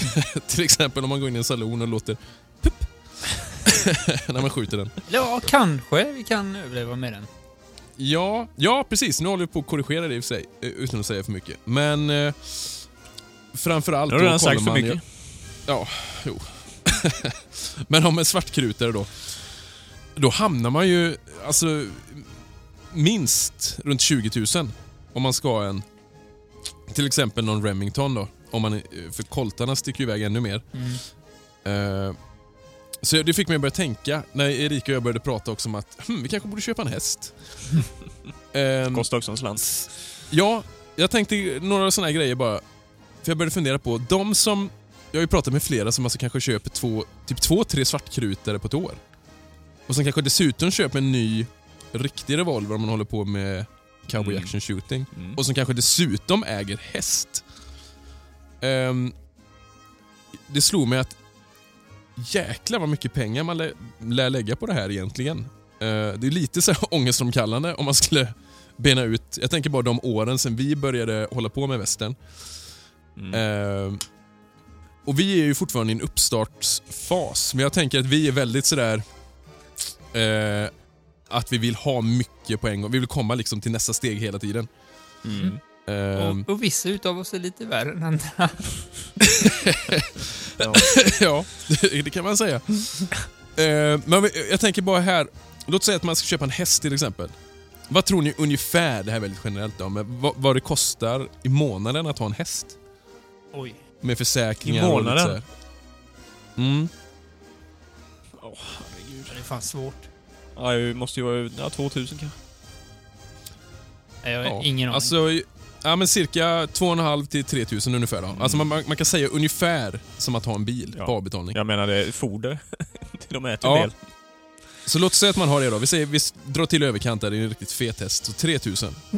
Mm. Eh, låt oss sen säga då att... Eh, ja men 3000 gånger 12 då. Ja, det blir ju 36 000 där bara på en häst. Mm. Sen säger vi att man ska gå med i alla de här föreningarna som finns i Sverige. Alltså, man är med i kanske Riverdale, Kodiak, eh, Citizens, Josie City. ehm, ja men alla de här. Det är ju för ganska låga kostnader oftast. Men Jo, visst, visst men många... alla bäckar Ja, små. jo. Vi, vi drar till där då. Vi säger ungefär Det är ju typ- 2000. Det är typ 500 per ställe ish. Ja, och då säger att man är med i fyra då i alla fall. Mm. Mm. Och sen kanske man dessutom är en familj. Mm. Mm. Så låt säga fyra eller, ja, ja men vi kan säga ungefär 4 000 då. Mm. 6 000 kanske till och med, om man är många. Ja, jo. Så vi säger 6 000. Eh, och sen vill vi bara kolla lite till oss själva, vad vi har lagt. Oskar, vet du ungefär eh, mellan tummen och pekfingret? Ja, Du vet alltså- att du, Jag, jag, Du fick vet ju, exakt. Jag fick uppgift bara, ja, du kan räkna ut hur mycket du har lagt på västern-grejer. Jag har suttit med, med ett Excel-ark och radat upp allting här. ja, Jag visste inte att det skulle vara ungefärligt. Nej, det var inte. Så, vill, vill du ha hela listan? Ska jag rabbla upp den? Eller vill du bara ha slutsumman? Men, Nej, men lite- jag tänker lite att synd. det viktiga är att du visar den för Ronja sen. Ja, ja nej, det, det, det finns en anledning varför jag gjorde det här igår kväll. Någon som. Eh, nej, det, ja, Kläder, vapen, utrustning. ja det precis. bara. Ja, det är bara det jag räknat på. Eftersom det är, Mm. det är ju bara det jag har köpt. Ja, men jag tänker Väster. om, om du räknar med sen High Chaparral-trippar och boende och mat. Ja, ja, ja. Men om vi tar bara kläder och vapen och sånt då, Ja. ungefär runda slängar. 7000? Ja, precis. Och vi kollar på om jag, om jag skulle... Nu är det några saker tror jag, våra grejer som hänger från förra året. Men Erika och jag tillsammans, och då har vi nog inte ens räknat med barnen, det är ju typ 20 000. Mm. på ett år Så eller? man tar, ja, Men då då- räknar du med liksom resor och... Nej. nej, det här är bara nej kläder. då, då är det 10 000 Mm. till.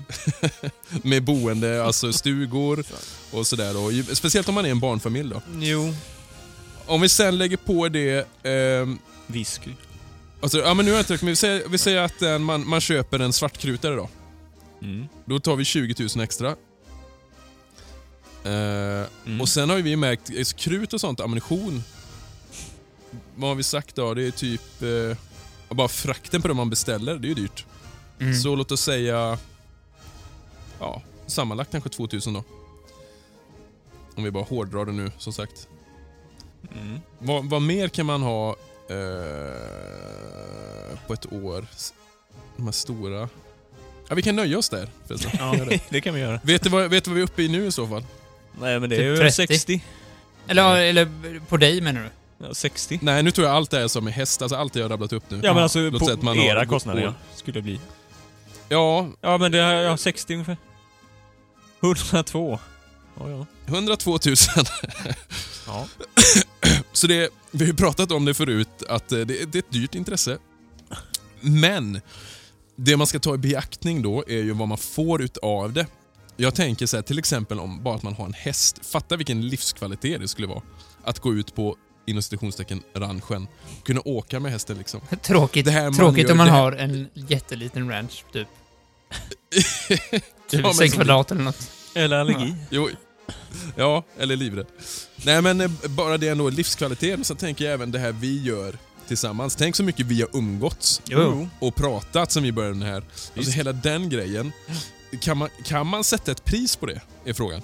Nej. Tystnad tar Men, men inget svar får du. Nej. Nej. Nej. Nej, jag... Nej, alltså det, det, det Men sen, så. är, s- sen är väl inte det rimligt att det är 100 000 på ett år. Men du kommer inte köpa en häst, du kommer inte köpa svartkrutare.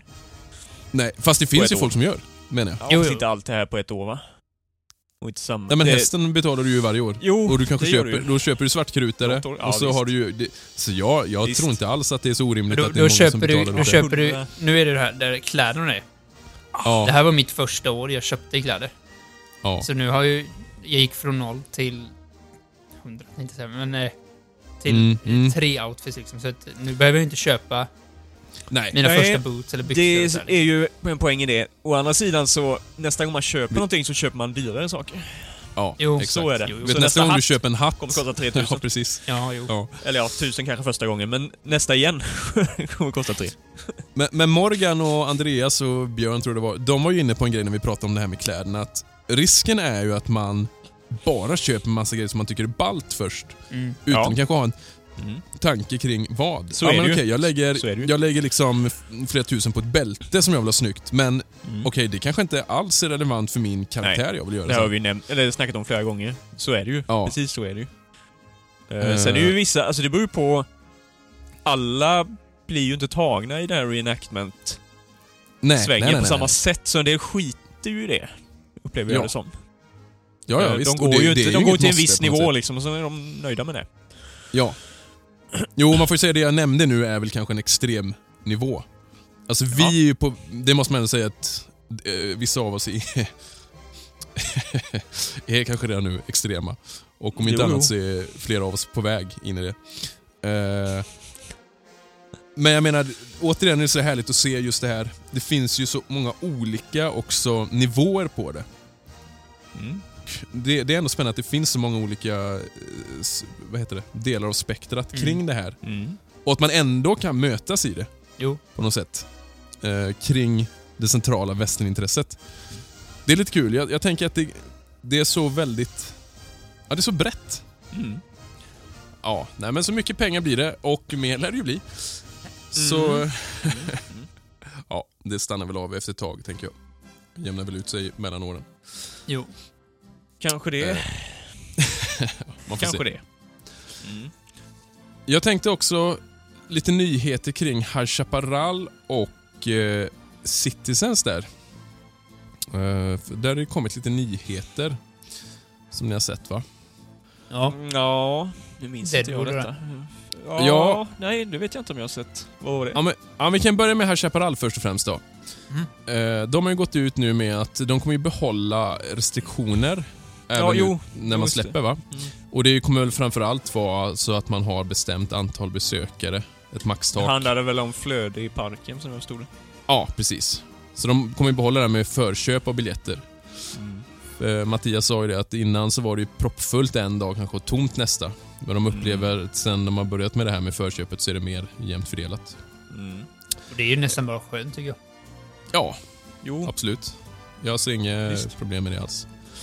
Besökare med säsongskort däremot behöver inte boka besö- besök och jag gissar, jag kan, säger inte att det är så, men jag gissar att det gäller samma sak kanske för Citizen. Jag tror att medborgare räknas som eh, Säsongskort. säsongskort va? Ja, okej. Mm. Mm. Och en del i det här är ju också det här med utökade gångytor och det är väl det med Texas och det här. Och, eh, det Mm. kommer vara mer möjligheter att beställa mat digitalt, verkar det som. Ja, men det är ju bra. Maten kommer ju vara en grej de satsar på överlag. De har ju Ja. anställt lite nytt folk. Det är ju helt klart det som har varit ett stort minus. Det är Ja. mycket folk från eh, Astrid Lindgrens Värld som kommer in ju. Mm. Det kan ju vara väldigt positivt, tänker jag. Ja, för Astrid Lindgrens Värld tycker jag har varit bra. Alltså... Är det bra mat maten där och-? Ja, jag tycker det. Ja, hus, det, är, ja, det är ju husmanskost. Ja. Ja. Ja. det är ju bra. Om det är, om det är bra, så är det bra. Vä- Västern, eh, amerikansk husmanskost då. Ska. Jag saknar ju de här stora stekarna då. Um, Mm. Om de ska satsa på det. Ja, det är ju faktiskt lite konstigt att det, det Mm. just på dagtid i alla fall. Ja, steakhouse borde de ju ha. Har det inte varit så nu då, när diligensen... De har haft stängt under corona? Jo, men Ja. har de haft öppet på dagen vanliga menyn förut? Jag undrar det. Det har ju väldigt knappt varit öppet när vi Eller var där, det, ja, just det, det var buffén där va? Ja, Mm. Ja, det, ja, det kanske. och den Ja, men har den väl är egentligen inte- varit sådär. Ja, När vi har buffén varit var ju ingen höjdare. Tyckte inte Nej. jag. Fast det är ju inte mycket annat där heller. Nej. I nej. matväg. Men det var, det var, ja, det var som den där fiskrestaurangen. Det var dyrt och inte alls värt. Mm. Nej. Det bästa stället är nästan egentligen, eh, vad heter det, bryggan. Ja, ja, ja. Där var då, det ju... då är det också kvällstid va? ja, är, det ja, är det öppet det på var det va? De burgarna var ju faktiskt goda. Ja. Och de. Alltså, det märkte man ju också, de här Old Daves. Ja. Vissa gånger var de ju okej och vissa gånger var de ju inte bra. Mm. Så det var ju Så väldigt väl aldrig någon riktig... Alltså det var ju, det var ju sån snabbmat. Ja. Mm. Nej men vi får se då. Det, som sagt, där är förhoppningsvis nu då med tanke på att de har lagt, satsat så mycket så blir det säkert stora men det är förändringar. bra. Jo. Mm. Och sen är det ju det här med eh, den här stora lagerlokalen. Jag gissar att det är den som var nu i somras. Eh, är det där museet det har varit eller vad är det som har varit där inne? Jag vet faktiskt Ja, inte. men vad, vilken menar du? Menar du längst in till höger? Ja, där Young Guns var nu. Eller den här stora, du kunde köpa eh, knallpulver, eh, revolvrar och hattar till ungarna. Det var ju en stor lagerlokal liksom. Var inte det öppet där? Eller ute? Utomhus? Jo, du fick... Ja, nej, det var ju inne igen. Ja, du fick ju gå... Ja, i alla fall. Ja, ja. Det är där de ska ut, utveckla tror jag och det ska Mm. vara 20 kassor. Mm. Eh, så att det ska gå smidigt då. Mm. Så det blir spännande att se vad det blir. Ja. Ehm, sen har vi ju, jag pratade lite med Filip där från eh, Citizens och eh, de har ju gått ut med eh, High Chaparral Citizens nya logga som ni båda har sett också va? Mm. Ja, HCC, helt enkelt. Och eh, som han, eh, eller som de skriver själva här, är ju att eh, det ska ju vara så likt 1870-talet som möjligt. Och att de har gjort liksom grundlig efterforskning kring hur loggor såg ut förr. Eh, och då tyckte de att den här sheriffstjärnan som har varit tidigare, att den inte kvalar in där. Nej. Så den, den nya loggan är en sorts kompromiss då från en gammal logga med design av ett brännjärn. Och det, det tycker jag är lite spännande. Det är en bra idé. Att det ska vara utifrån ett sånt. Liksom. Mm. Eh, för tanken som de säger då är att man ska kunna använda det här eh, brännjärnet med loggan till olika, ja till exempel märka tunnor och lådor och eh, på sikt okej. även merchandise då. Mm. Eh, så man ska kunna känna igen enbart brännjärnet då. Eh, Mhm. och att den ska vara tydlig i hela den här loggan. Så, och de säger också att de kommer ju som sagt på sikt ta fram lite merchandise och inom ett eh, par veckor, nu kommer jag inte ihåg när de gick ut men det var väl, kan det varit förr? Nej det var... Det är nog för några veckor sedan redan va? Ja. Ehm, så snart kommer de gå ut med den första merchandisen då. Eh, så får vi se vad det kan vara. Så i sommar kommer man kunna köpa någon merchandise eh, ute i Deadwood då. Eh, och så vidare om Deadwood så, så pratar de att nu, nu pågår planeringen för att sammankalla den här arbetsgruppen de hade förra året då. Alltså att fortsätta med bygget i Deadwood. Så eh, någon form av utbyggnad eller liksom förbättring och så här kommer det ju bli. Mm. Eh, och det kommer de nog gå ut med i de som är medborgare i de här grupperna. Eh, vad som kommer hända i staden och så. Då. Mm. Eh, och till sist så vill eh, Filip då betona vikten av att allting de gör där i medborgarrådet som styr de här Archabrad Citizens, då, eller som leder det kan man säga och styr upp lite grann. Mm. Eh, att det ska genomsyras, genomsyras av att det ska göras på ett så autentiskt perspektiv som möjligt. Så det är ju jättekul tycker jag. Eh, Ja. Låter ju bara positivt. Mm. Mm. Så spännande att se vad det blir där här, härnäst och hur Deadwood har utvecklats när vi kommer dit i maj. Ja, och det här med restriktioner då. Var det, jag bara så att någon eh, ställde ju frågan hur det blir just i Deadwood. Kommer det vara ja restriktioner precis. där? Det tvivlar på det va. Verkar ju märkligt, kan jag ju tycka. Nej men jag tror inte det. Tro- eh, I och med att det handlar mest om flödet i parken. Ja, precis. Ja. Det borde ju Eh, inte vara det. Nej. Jag gissar att det inte är så i alla fall. Ja, det. Vi får Mm. se. Jag tänkte också, vi nämnde ju eh, i podden för ett tag sedan det här True West-eventet som var kring eh, Tombstone... eh, Filmen film. där ja. Ja, originalmanuset där. Jag har fortfarande inte sett det. det är lite Nej, men, nej men eh, grejen är ju så här. vi delade ju det, då var det ju Bob Bose som... Ja. Jag stannade uppe där på natten och kollade ju det eventet. Mm. Eh, Ja, du såg det live då till och med? Ja, precis. Oj. Ja. Och det var ju inte så jättematnyttigt själva just det egentligen. Han pratade lite grann kring... Eh, han hade ju...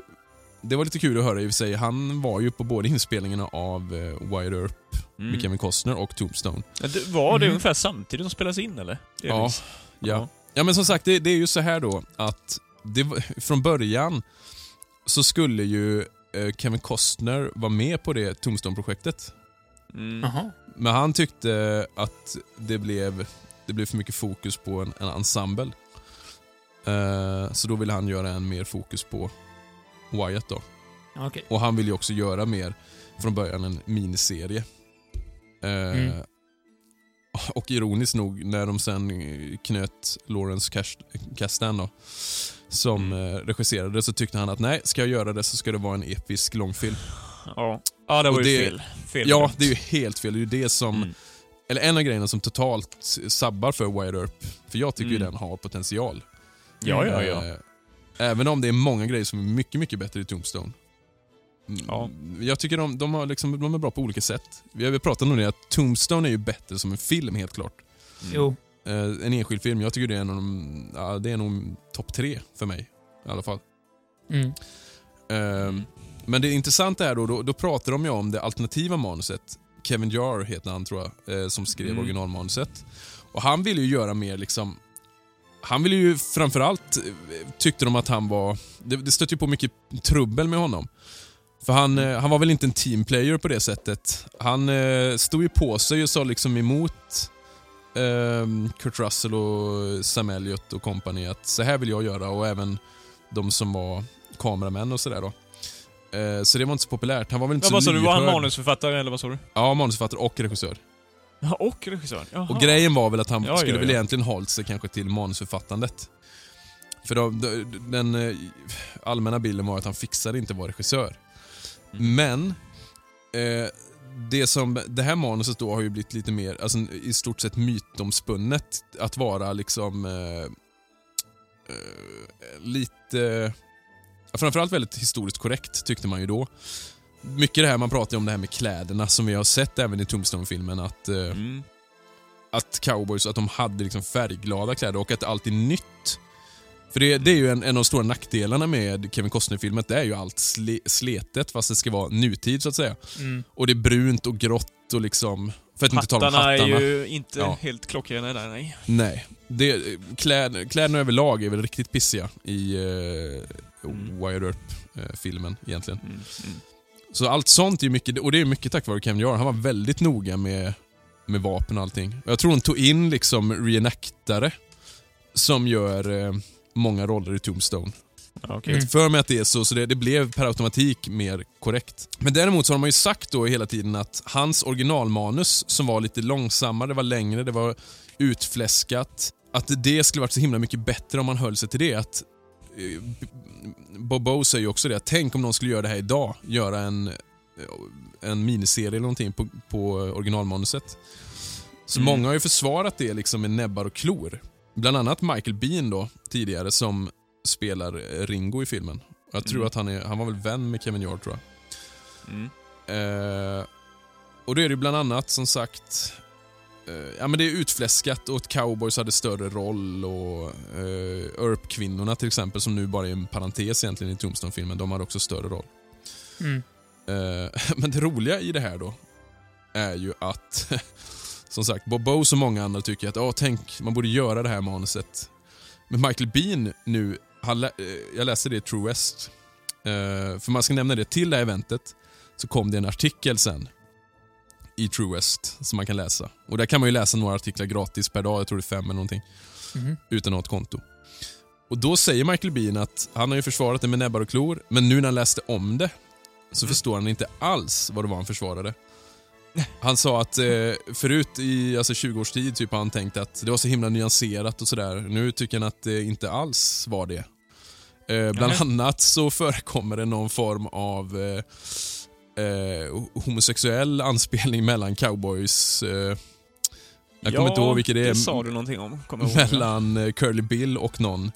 Lite sådana där grejer. Och Han tyckte också det att Ringo, att de, i det manuset så överdrivs han som en kallblodig mördare. Liksom. Eh, Mm. Vilket han kanske inte egentligen var, om man eh, läser på ordentligt kring honom.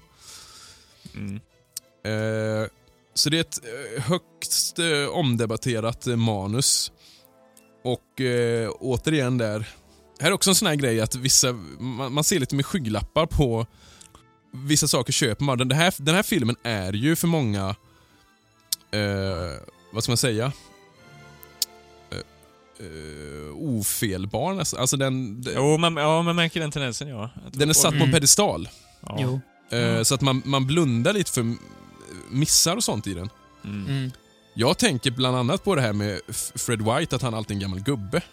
Det är en sån grej. Nu är det ju för sig Harry Carey Jr som spelar honom, men eh, det är en sån grej som jag stör mig på. Jag stör mig också på att eh, hur han dör. Ja, just Eh, det. Det är ju helt fel i båda. Ja, för jag tror till och med att Fred White, han var ganska... Jag tror till och med han var lite bundis med Curly Bill. Om jag inte minns helt fel. Ja, det vet jag inte, men alltså... Han säger ju själv att det är en olyckshändelse. Ja, han vittnar om det på dödsbädden. han, ja, han dör ju om det är ett par dagar efter va? ja. Det är ju inte alls direkt knallfall. Nej, så det, det är ju såna där grejer. Eh, och egentligen, alltså som sagt, jag älskar Kurt Russell. Jag tycker att han ser väldigt ball ut i den. Men jag skulle inte säga av alla som har spelat Wide Earp, tycker jag inte att han är den som fångar den Nej. essensen bäst. Absolut inte. Nej. Däremot Val Kilmer, nej det är samma sak där återigen, vi har varit inne på det. Ja, det Det är behöver vi inte gå ju... in på igen, men eh, det det, är, det är intressant i alla fall. Och hur man än vrider och vänder på det, är det en jäkligt bra film. Eh, Mm. Den är ju i, i topp och framförallt ska de ju ha en eloge för det här med kläderna, designen och allt kring. liksom. Ja. Eh, sen är det slutakten. Den är ju det, det klagar de mycket på att det, är liksom, att det blir... Att Urparna mm, på just Vendetta-riden, att den... Att de är eh, oväntat brutala, alltså på ett sätt som de inte var egentligen kanske. Och det ska väl ha varit bättre tror jag i originalmanuset och följt mer som det var, tror jag. Mm. Eh, de sa att de ville ju, när de gjorde om Tombstone-filmen så ville man liksom stöpa om den till en ren hämndfilm. Att det är det det handlar om bara. Mm. Mm. Eh, och det var ju inte Kevin Jars, eh, vad heter det? Men det gör det ju verkligen inte i slutändan. Det är ju en ganska sen del. Jo, men det är många som tycker det ändå. Många säger liksom att ja, det var det som var så bra. Det är mycket tack vare Kurt Russell att det blev en eh, fokus på en hämndfilm. Men som du säger, det är ganska långt fram. Ja. Så det, men ja, oavsett. Mm.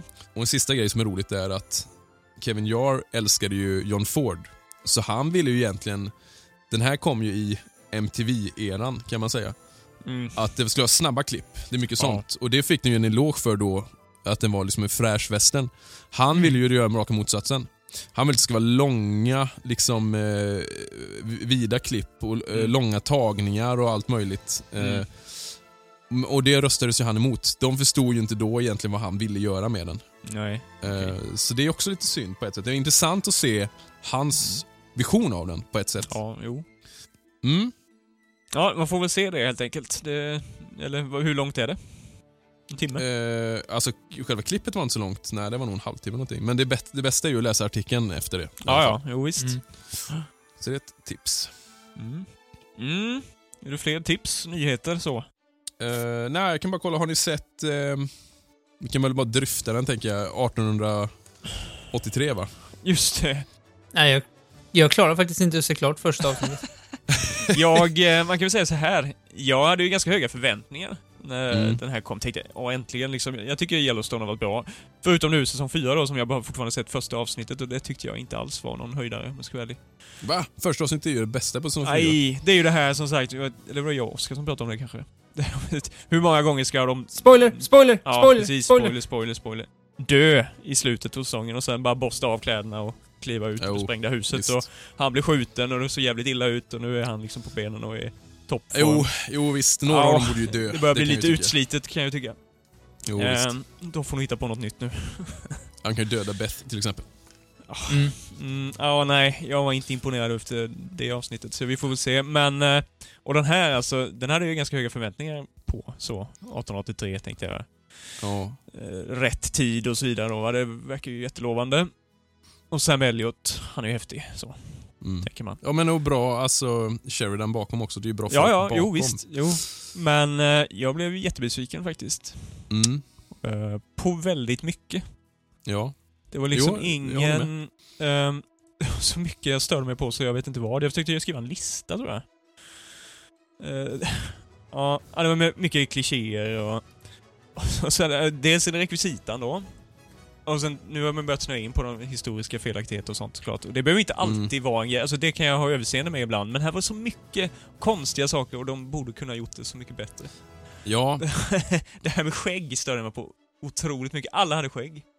Ja. Eh, Medan det kanske borde så, alltså det var ju mustasch som var modet Det, då. det alltså. är ju en Hollywoodsk grej ju. Jo, jo. Alltså, det är ju för att det är hippt, det är snyggt tycker de. Men, men det är störigt i de här sammanhangen ja, tycker ja, jag. ja, ja. Och sen, sen har vi den här enormt tjocka Ja. cowboyen som försöker eh, våldta en av huvudpersonerna.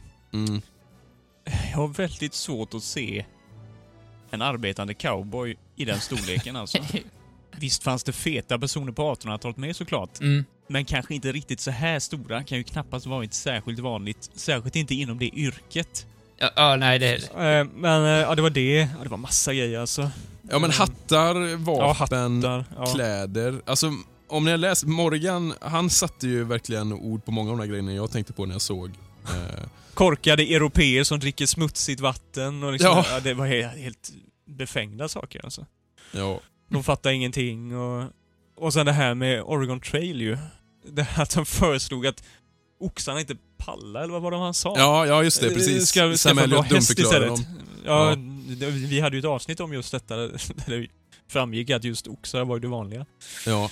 Uh, jättemärkligt. Ja, saker som är konstiga, att man... eh, jag tror problemet man har med eller som jag har, det är att den framställs ju som att ja, den här ska vara väldigt historiskt korrekt. Eh, Ja, det känns som, de- det har de verkligen inte lagt ner någon tid på alls när man kollar på kläderna. Det verkar inte alls vara så. Det, och jag menar, det är ju ganska ja, det är lustigt. Det är väldigt lustigt. Fast Jag har tror- det jag- verkligen framhållits Ja, ja, ja för mig, jag har läst i flera alltså, i sammanhang eh, där det har nämnts att man har lagt mycket tid på det. Rätt vapen Mm. och rätt, eh, som de skriver, alltså gear och så här. Eh, och men det är sen- ju rätt ja. uppenbart att de inte har. Nej. Och Annars sen- hade jag nog inte kanske stört mig på det på och samma jag har, ju bara sätt. sett, jag har ju bara sett ett avsnitt, så jag ska ju inte döma ut det totalt nu. Och sen ointressanta karaktärer generellt sett. Alltså Sam Elliot, jag menar, och skådespeleriet. Och det är ju inte skådisarnas fel, tänker jag, utan det är ju manusets fel. De får ju, jag minns bara att jag reagerade på en scen som helt plötsligt var, oh, det här är ju någonting helt annat liksom. Den sticker ut. Liksom en helt annan eller? intensitet. Ja, det var någon scen där när han, eh, vad heter han? Tim Sam. Elliot sätter sig och han vill inte dricka, så kommer det någon prostituerad. Ja, just det. Eh, och de börjar bråka. Det, det, hände någonting där i den scenen. Den, den stack ut för mig när jag såg den. Liksom. Mm. Den var intensiv på något helt annat sätt. Det var skådespeleri på en annan nivå. Från Mm. alla inblandade. Alltså det... Annars har det varit blaha, tycker jag. Nej, Ja, imponerar inte. Och han huvudkaraktären då, Datton. Totalt ointressant karaktär, tycker mm. jag. Eh, nej, Men vad, vad tycker du Oskar? Du har inte sett klart första avsnittet? Nej. Eh, alltså det... bra betyg. Jag, jag, har- jag har inte sett så mycket trailers och sånt om den. Nej. Men jag hade ju nästan väntat mig någon så här äventyrsserie liksom. Mm. Att- Men det, det första som händer liksom, ja nu kommer lite spoiler här då. Men det, det här med när han, när han sitter i huset och de är döda, det är så mörkt och grått. Och sen direkt efter det, när, det ska, när man tror att det ska ljusna, då sätter han sig och ska skjuta sig själv liksom. Mm. Det... Jag, jag tror inte jag klarar längre... Jag vet inte hur lång- långt jag kollar, men alltså det är mindre än halva avsnittet jag har sett. Jag blev så besviken för att det var så himla grått och mörkt. Ja, du då tänkte har jag inte ens in liksom... på- Eh, mer men- Sil- Silverado... Ja, alltså, ja, alltså visst att man vill få, få med det här. Att Hårda. det kanske, ja, Tufft. Mm. jo, men det behöver ju inte vara becksvart liksom. Nej. Fast Jag- det jag vet jag hade väl- om. ju- Jag tyckte det var extra mycket i den här. Alltså det är väl inte så mycket muntrare i de flesta nya som Alltså har du, att klart, har du inte sett längre än så, då, då, då upplevs den ju väldigt Ja. deprimerande såklart. Ja, Ehm, nej men det var bara att jag blev så jävla jo. besviken på början bara. Ja, speciellt om man har en annan förväntning såklart. Ja. Mm. Jag tänkte ju med att, jag vet ju att det är i Yellowstone, alltså det är samma folk bakom, Mm. eh, så väntade jag mig att det skulle vara mycket ja, men misär och tragik, fast eh, kopplat till ett äventyr. Men just den serien, eller scenen, jag tyckte den jag tyckte den var skitstark, just den serien. Eller scenen, med Sam Elliot där. Ja, det borde Eh. ju vara det. Men det är någonting. Ja, du tyckte ju inte det. Jag tyckte Nej, att den var, ja. jag tyckte den var skitjobbig att se Ja, det- just för att Om man kan relatera så. Ja, Eller? den cementerade direkt så här att Oj, Sam Elliot, alltså, man, ja, jag tyckte det var en bra introduktion av honom. Eh, jag har ju sett lite längre, jag har sett tre avsnitt i alla fall. Och det, i tredje avsnittet så blir det ju bättre, tycker jag. Mm. Mm. Eh, det blir det väl absolut, och jag kommer ju se klart den. Men jag är oerhört kluven och jag tycker fortfarande att Tim McGraw och, eh, vad heter hon då? Faith Hill va? Nej? Mhm. Ja, jag vet inte. Eh, det, om de är countryartister liksom. Mhm. Ja. Eh, konstiga val av eh, skådisar på något sätt. Men vem är Marco? Är Generiskt. det... Är det Vad sa han du? datorn? Är det datorn? Ja, och hans fru. Ja, ja nej. Jaha. Ja, ja, ja. Just det. Eh, så det är potential att kunna bli jättebra, men det blir, på någonstans blir det som en, en ny dålig version av Lonesome Dove på något sätt. Eh, på något sätt. Och ju, just det här... Nej men jag, jag stör mig på de här felaktigheterna på ett sätt som jag inte trodde jag skulle göra. I och med Mm. att man är van att se det liksom. Jag vet inte om det hänt någonting eh, med den. Nej, fast alltså när man kollar äldre filmer så stör jag mig. Ja, i vissa fall kan man störa sig lite grann. Det är nästan känns nästan som 50-talet är värst när det gäller just kläder. Mm. Eh, alltså tidigare filmer är ju nästan, det är ju bättre som vi har varit inne lite på med stumfilmer och det eh, generellt sett. Beror på hur tidigt också. Det varierar Jo. Ja, men det konstiga är, kommer du ihåg vi pratade med Jonas i Riverdale om det här. Vi pratade ju om att många av de här 2010-talsfilmerna, även om de är dåliga, så har de lyckats ganska bra med utrustning och klädsel och jo, sånt. det är ju en sak som generellt sett har blivit bättre. Ja, så det, är, ju- det gör det ju så störigt i den här att Jo, såna enkla saker som man Ja. hade kunnat... jag menar det. Det, det är jättemärkligt eh, faktiskt att man tar tid på sig att göra det. Men med det sagt så ska jag ju säga ändå att jag är jäkligt glad att det finns en westernserie som går nu i som utspelar sig under 1880-talen då. Oskar kollar lite skeptisk. Förhoppningsvis leder det ju till att det kommer fler. Ja, jo. Ja, Eller hur? ja kommer, ni, kommer, och kommer du se den överhuvudtaget Oskar? Jag vet inte. Alltså just nu är jag inte ett dugg. Jag har ingenting att kolla på just nu, men jag väljer hellre något annat. Men eh, då har jag ju tips som jag sig har nämnt innan. Eh, och det är ju egentligen, jag kan ta upp det för att det är ju näst, det tangerar vilda västern kan man säga. Om man vill. Och det är ju en serie som, den är ganska ny, jag tror den kom i december, eller ja, förra året, sent förra året tror jag. Det är en BBC-produktion. Ja, just det. Ja, jag nämnde den va? Eh, Mm. Nu kommer fan inte ihåg vad den heter. eh, Eh. North Waters heter den. Ja. Eh, och det handlar, du har inte sett den heller Emil va? Nej. Ja, den utspelar sig i alla fall i England och handlar om en, eh, en militärläkare.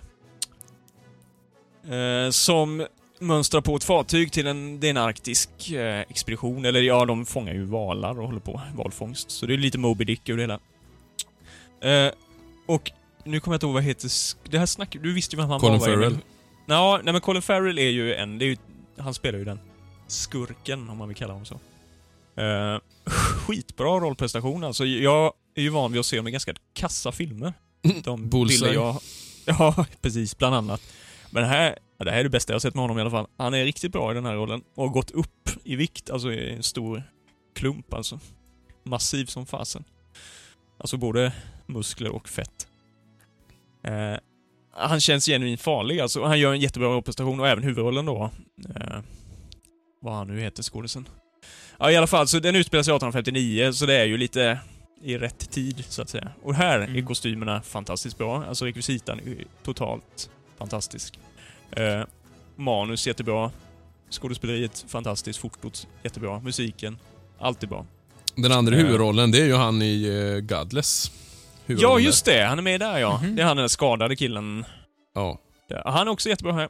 Alltså, det är ett tips om man vill komma in i tidsatmosfären i alla fall. Ja. Eh, s- Och även så lite kopplingar till musikavsnittet då, för det, Shanty spelar ju en viss roll i den här serien Mm. också. Eh, ja, nej, helt klart sevärd. Det är det bästa Mm. jag har sett i serieväg på hur länge som helst faktiskt. Kul. Mm. Ligger på SVT Play. I've heard about you. What have you heard, Shane? I've heard that you're a low-down Yankee liar. Prove it.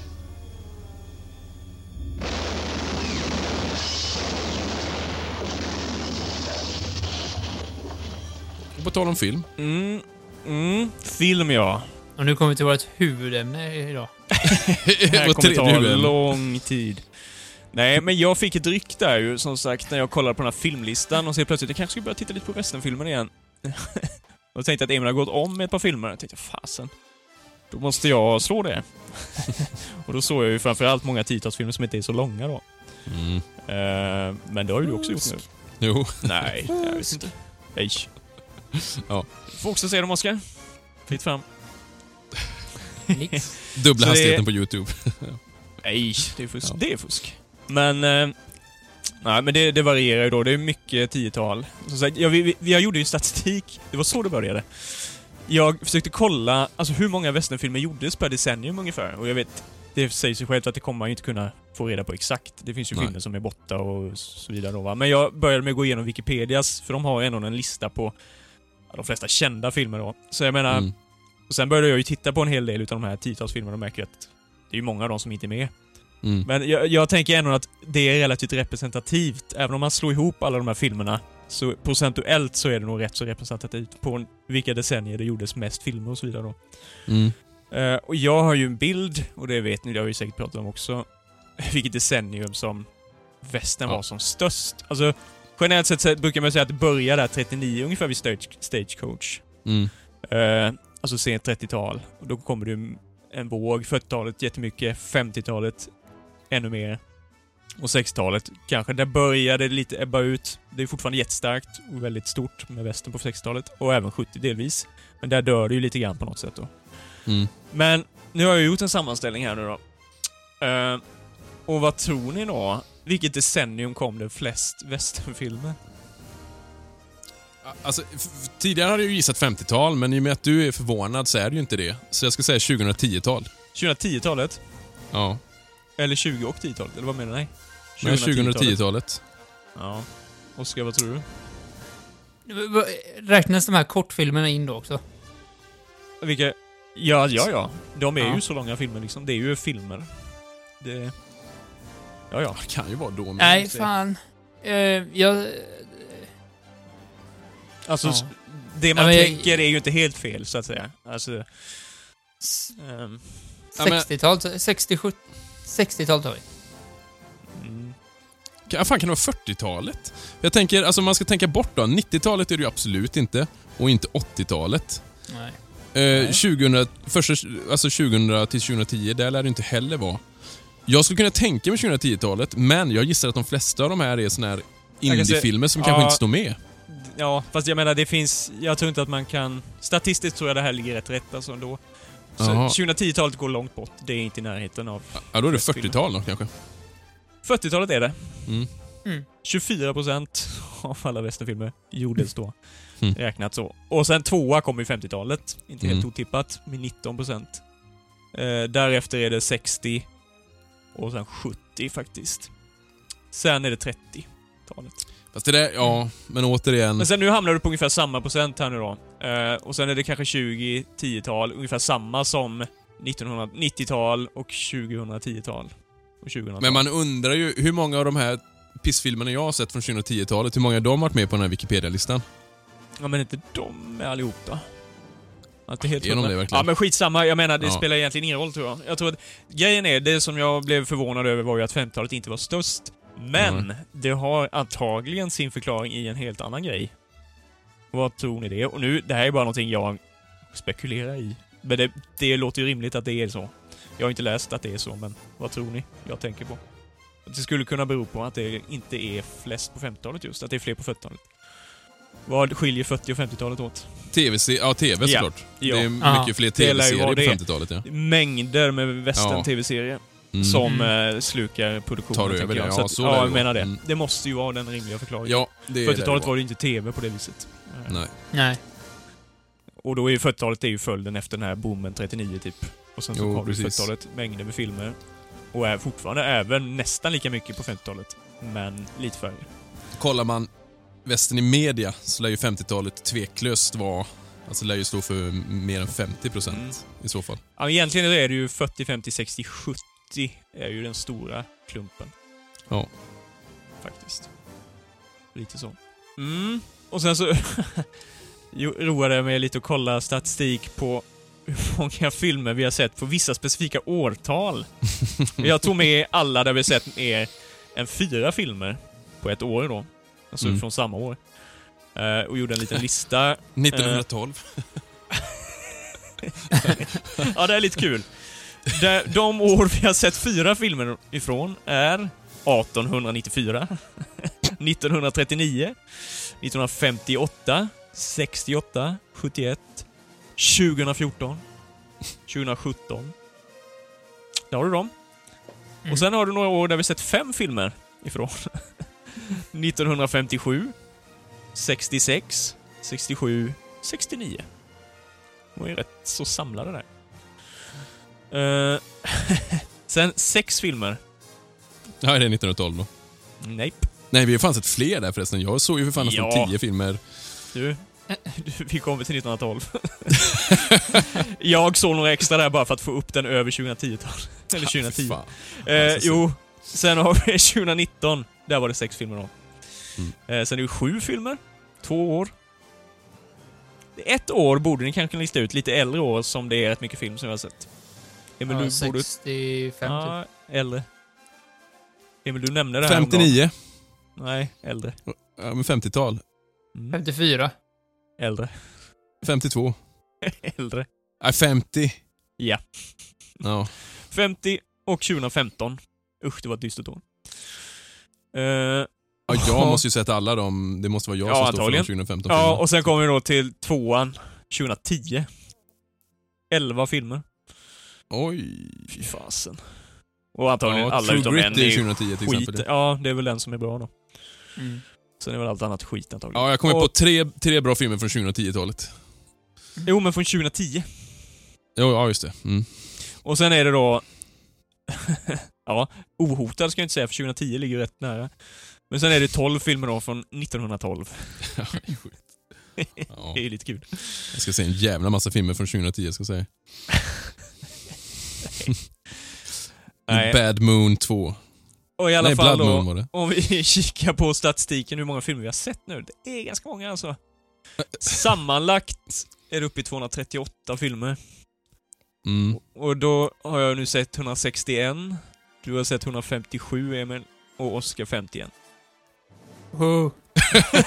Du har mycket att se fram emot om du blir långtidssjuk. ju. Ja! Jo, men, men jag har ju också sett endast långfilmer. Ja, förutom två där då. Den där Seth Mm. Skull, den är lång. Ha? Nej, du har inte sett den. Seth. Gold. Simon såg ju en. Ja, fast tandläkaren. YouTube. Inte så lång dock. Jo men du, Nej, Seth men Gold, alltså räknas den? Det är ju liksom en YouTube-film egentligen. Ja, fast det är någon slags produktion. Ja, vi kan ta bort den. Då Ja, blir vi av med Det är 2000-talsfilmer. Dentist med. Mm. Ja. ja, nej men det är lite kul. Mm. Eh, ja, oj, det är många filmer alltså. Man blir lite så här, jag börjar fundera på nu, för jag, jag tänker alltså att jag måste se en ny film. Alltså som jag inte sett. Men jag, man kanske skulle kunna börja se om de här filmerna man har sett. Ja, ja. Jo. 40-talet eh, saknar man en del filmer, känner jag. Ja. Jag har sett ganska få därifrån. Särskilt nu när det kom flest filmer på 40-talet borde man ju se fler därifrån. ja, svårt att få tag på. Ja, en del. Många utav de här äldre filmerna ligger faktiskt på YouTube. Jag började kolla på den som du tipsar om nu, eh, som vi såg vid julavsnittet.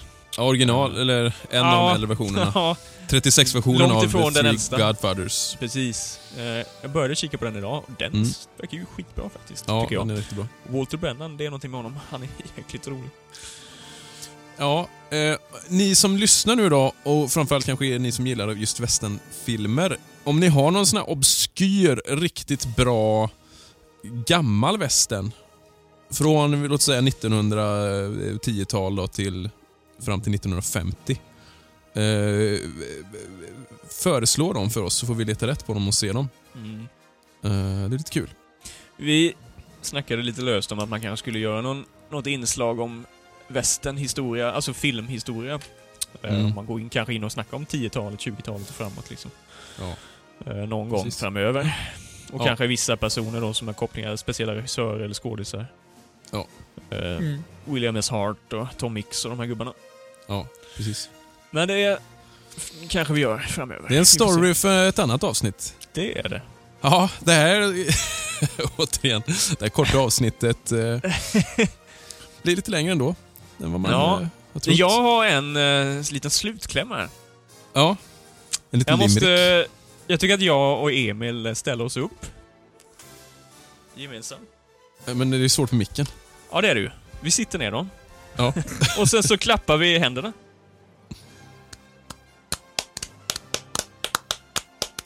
Tackar, tackar. Tack. För att Oscar eh, fight the power.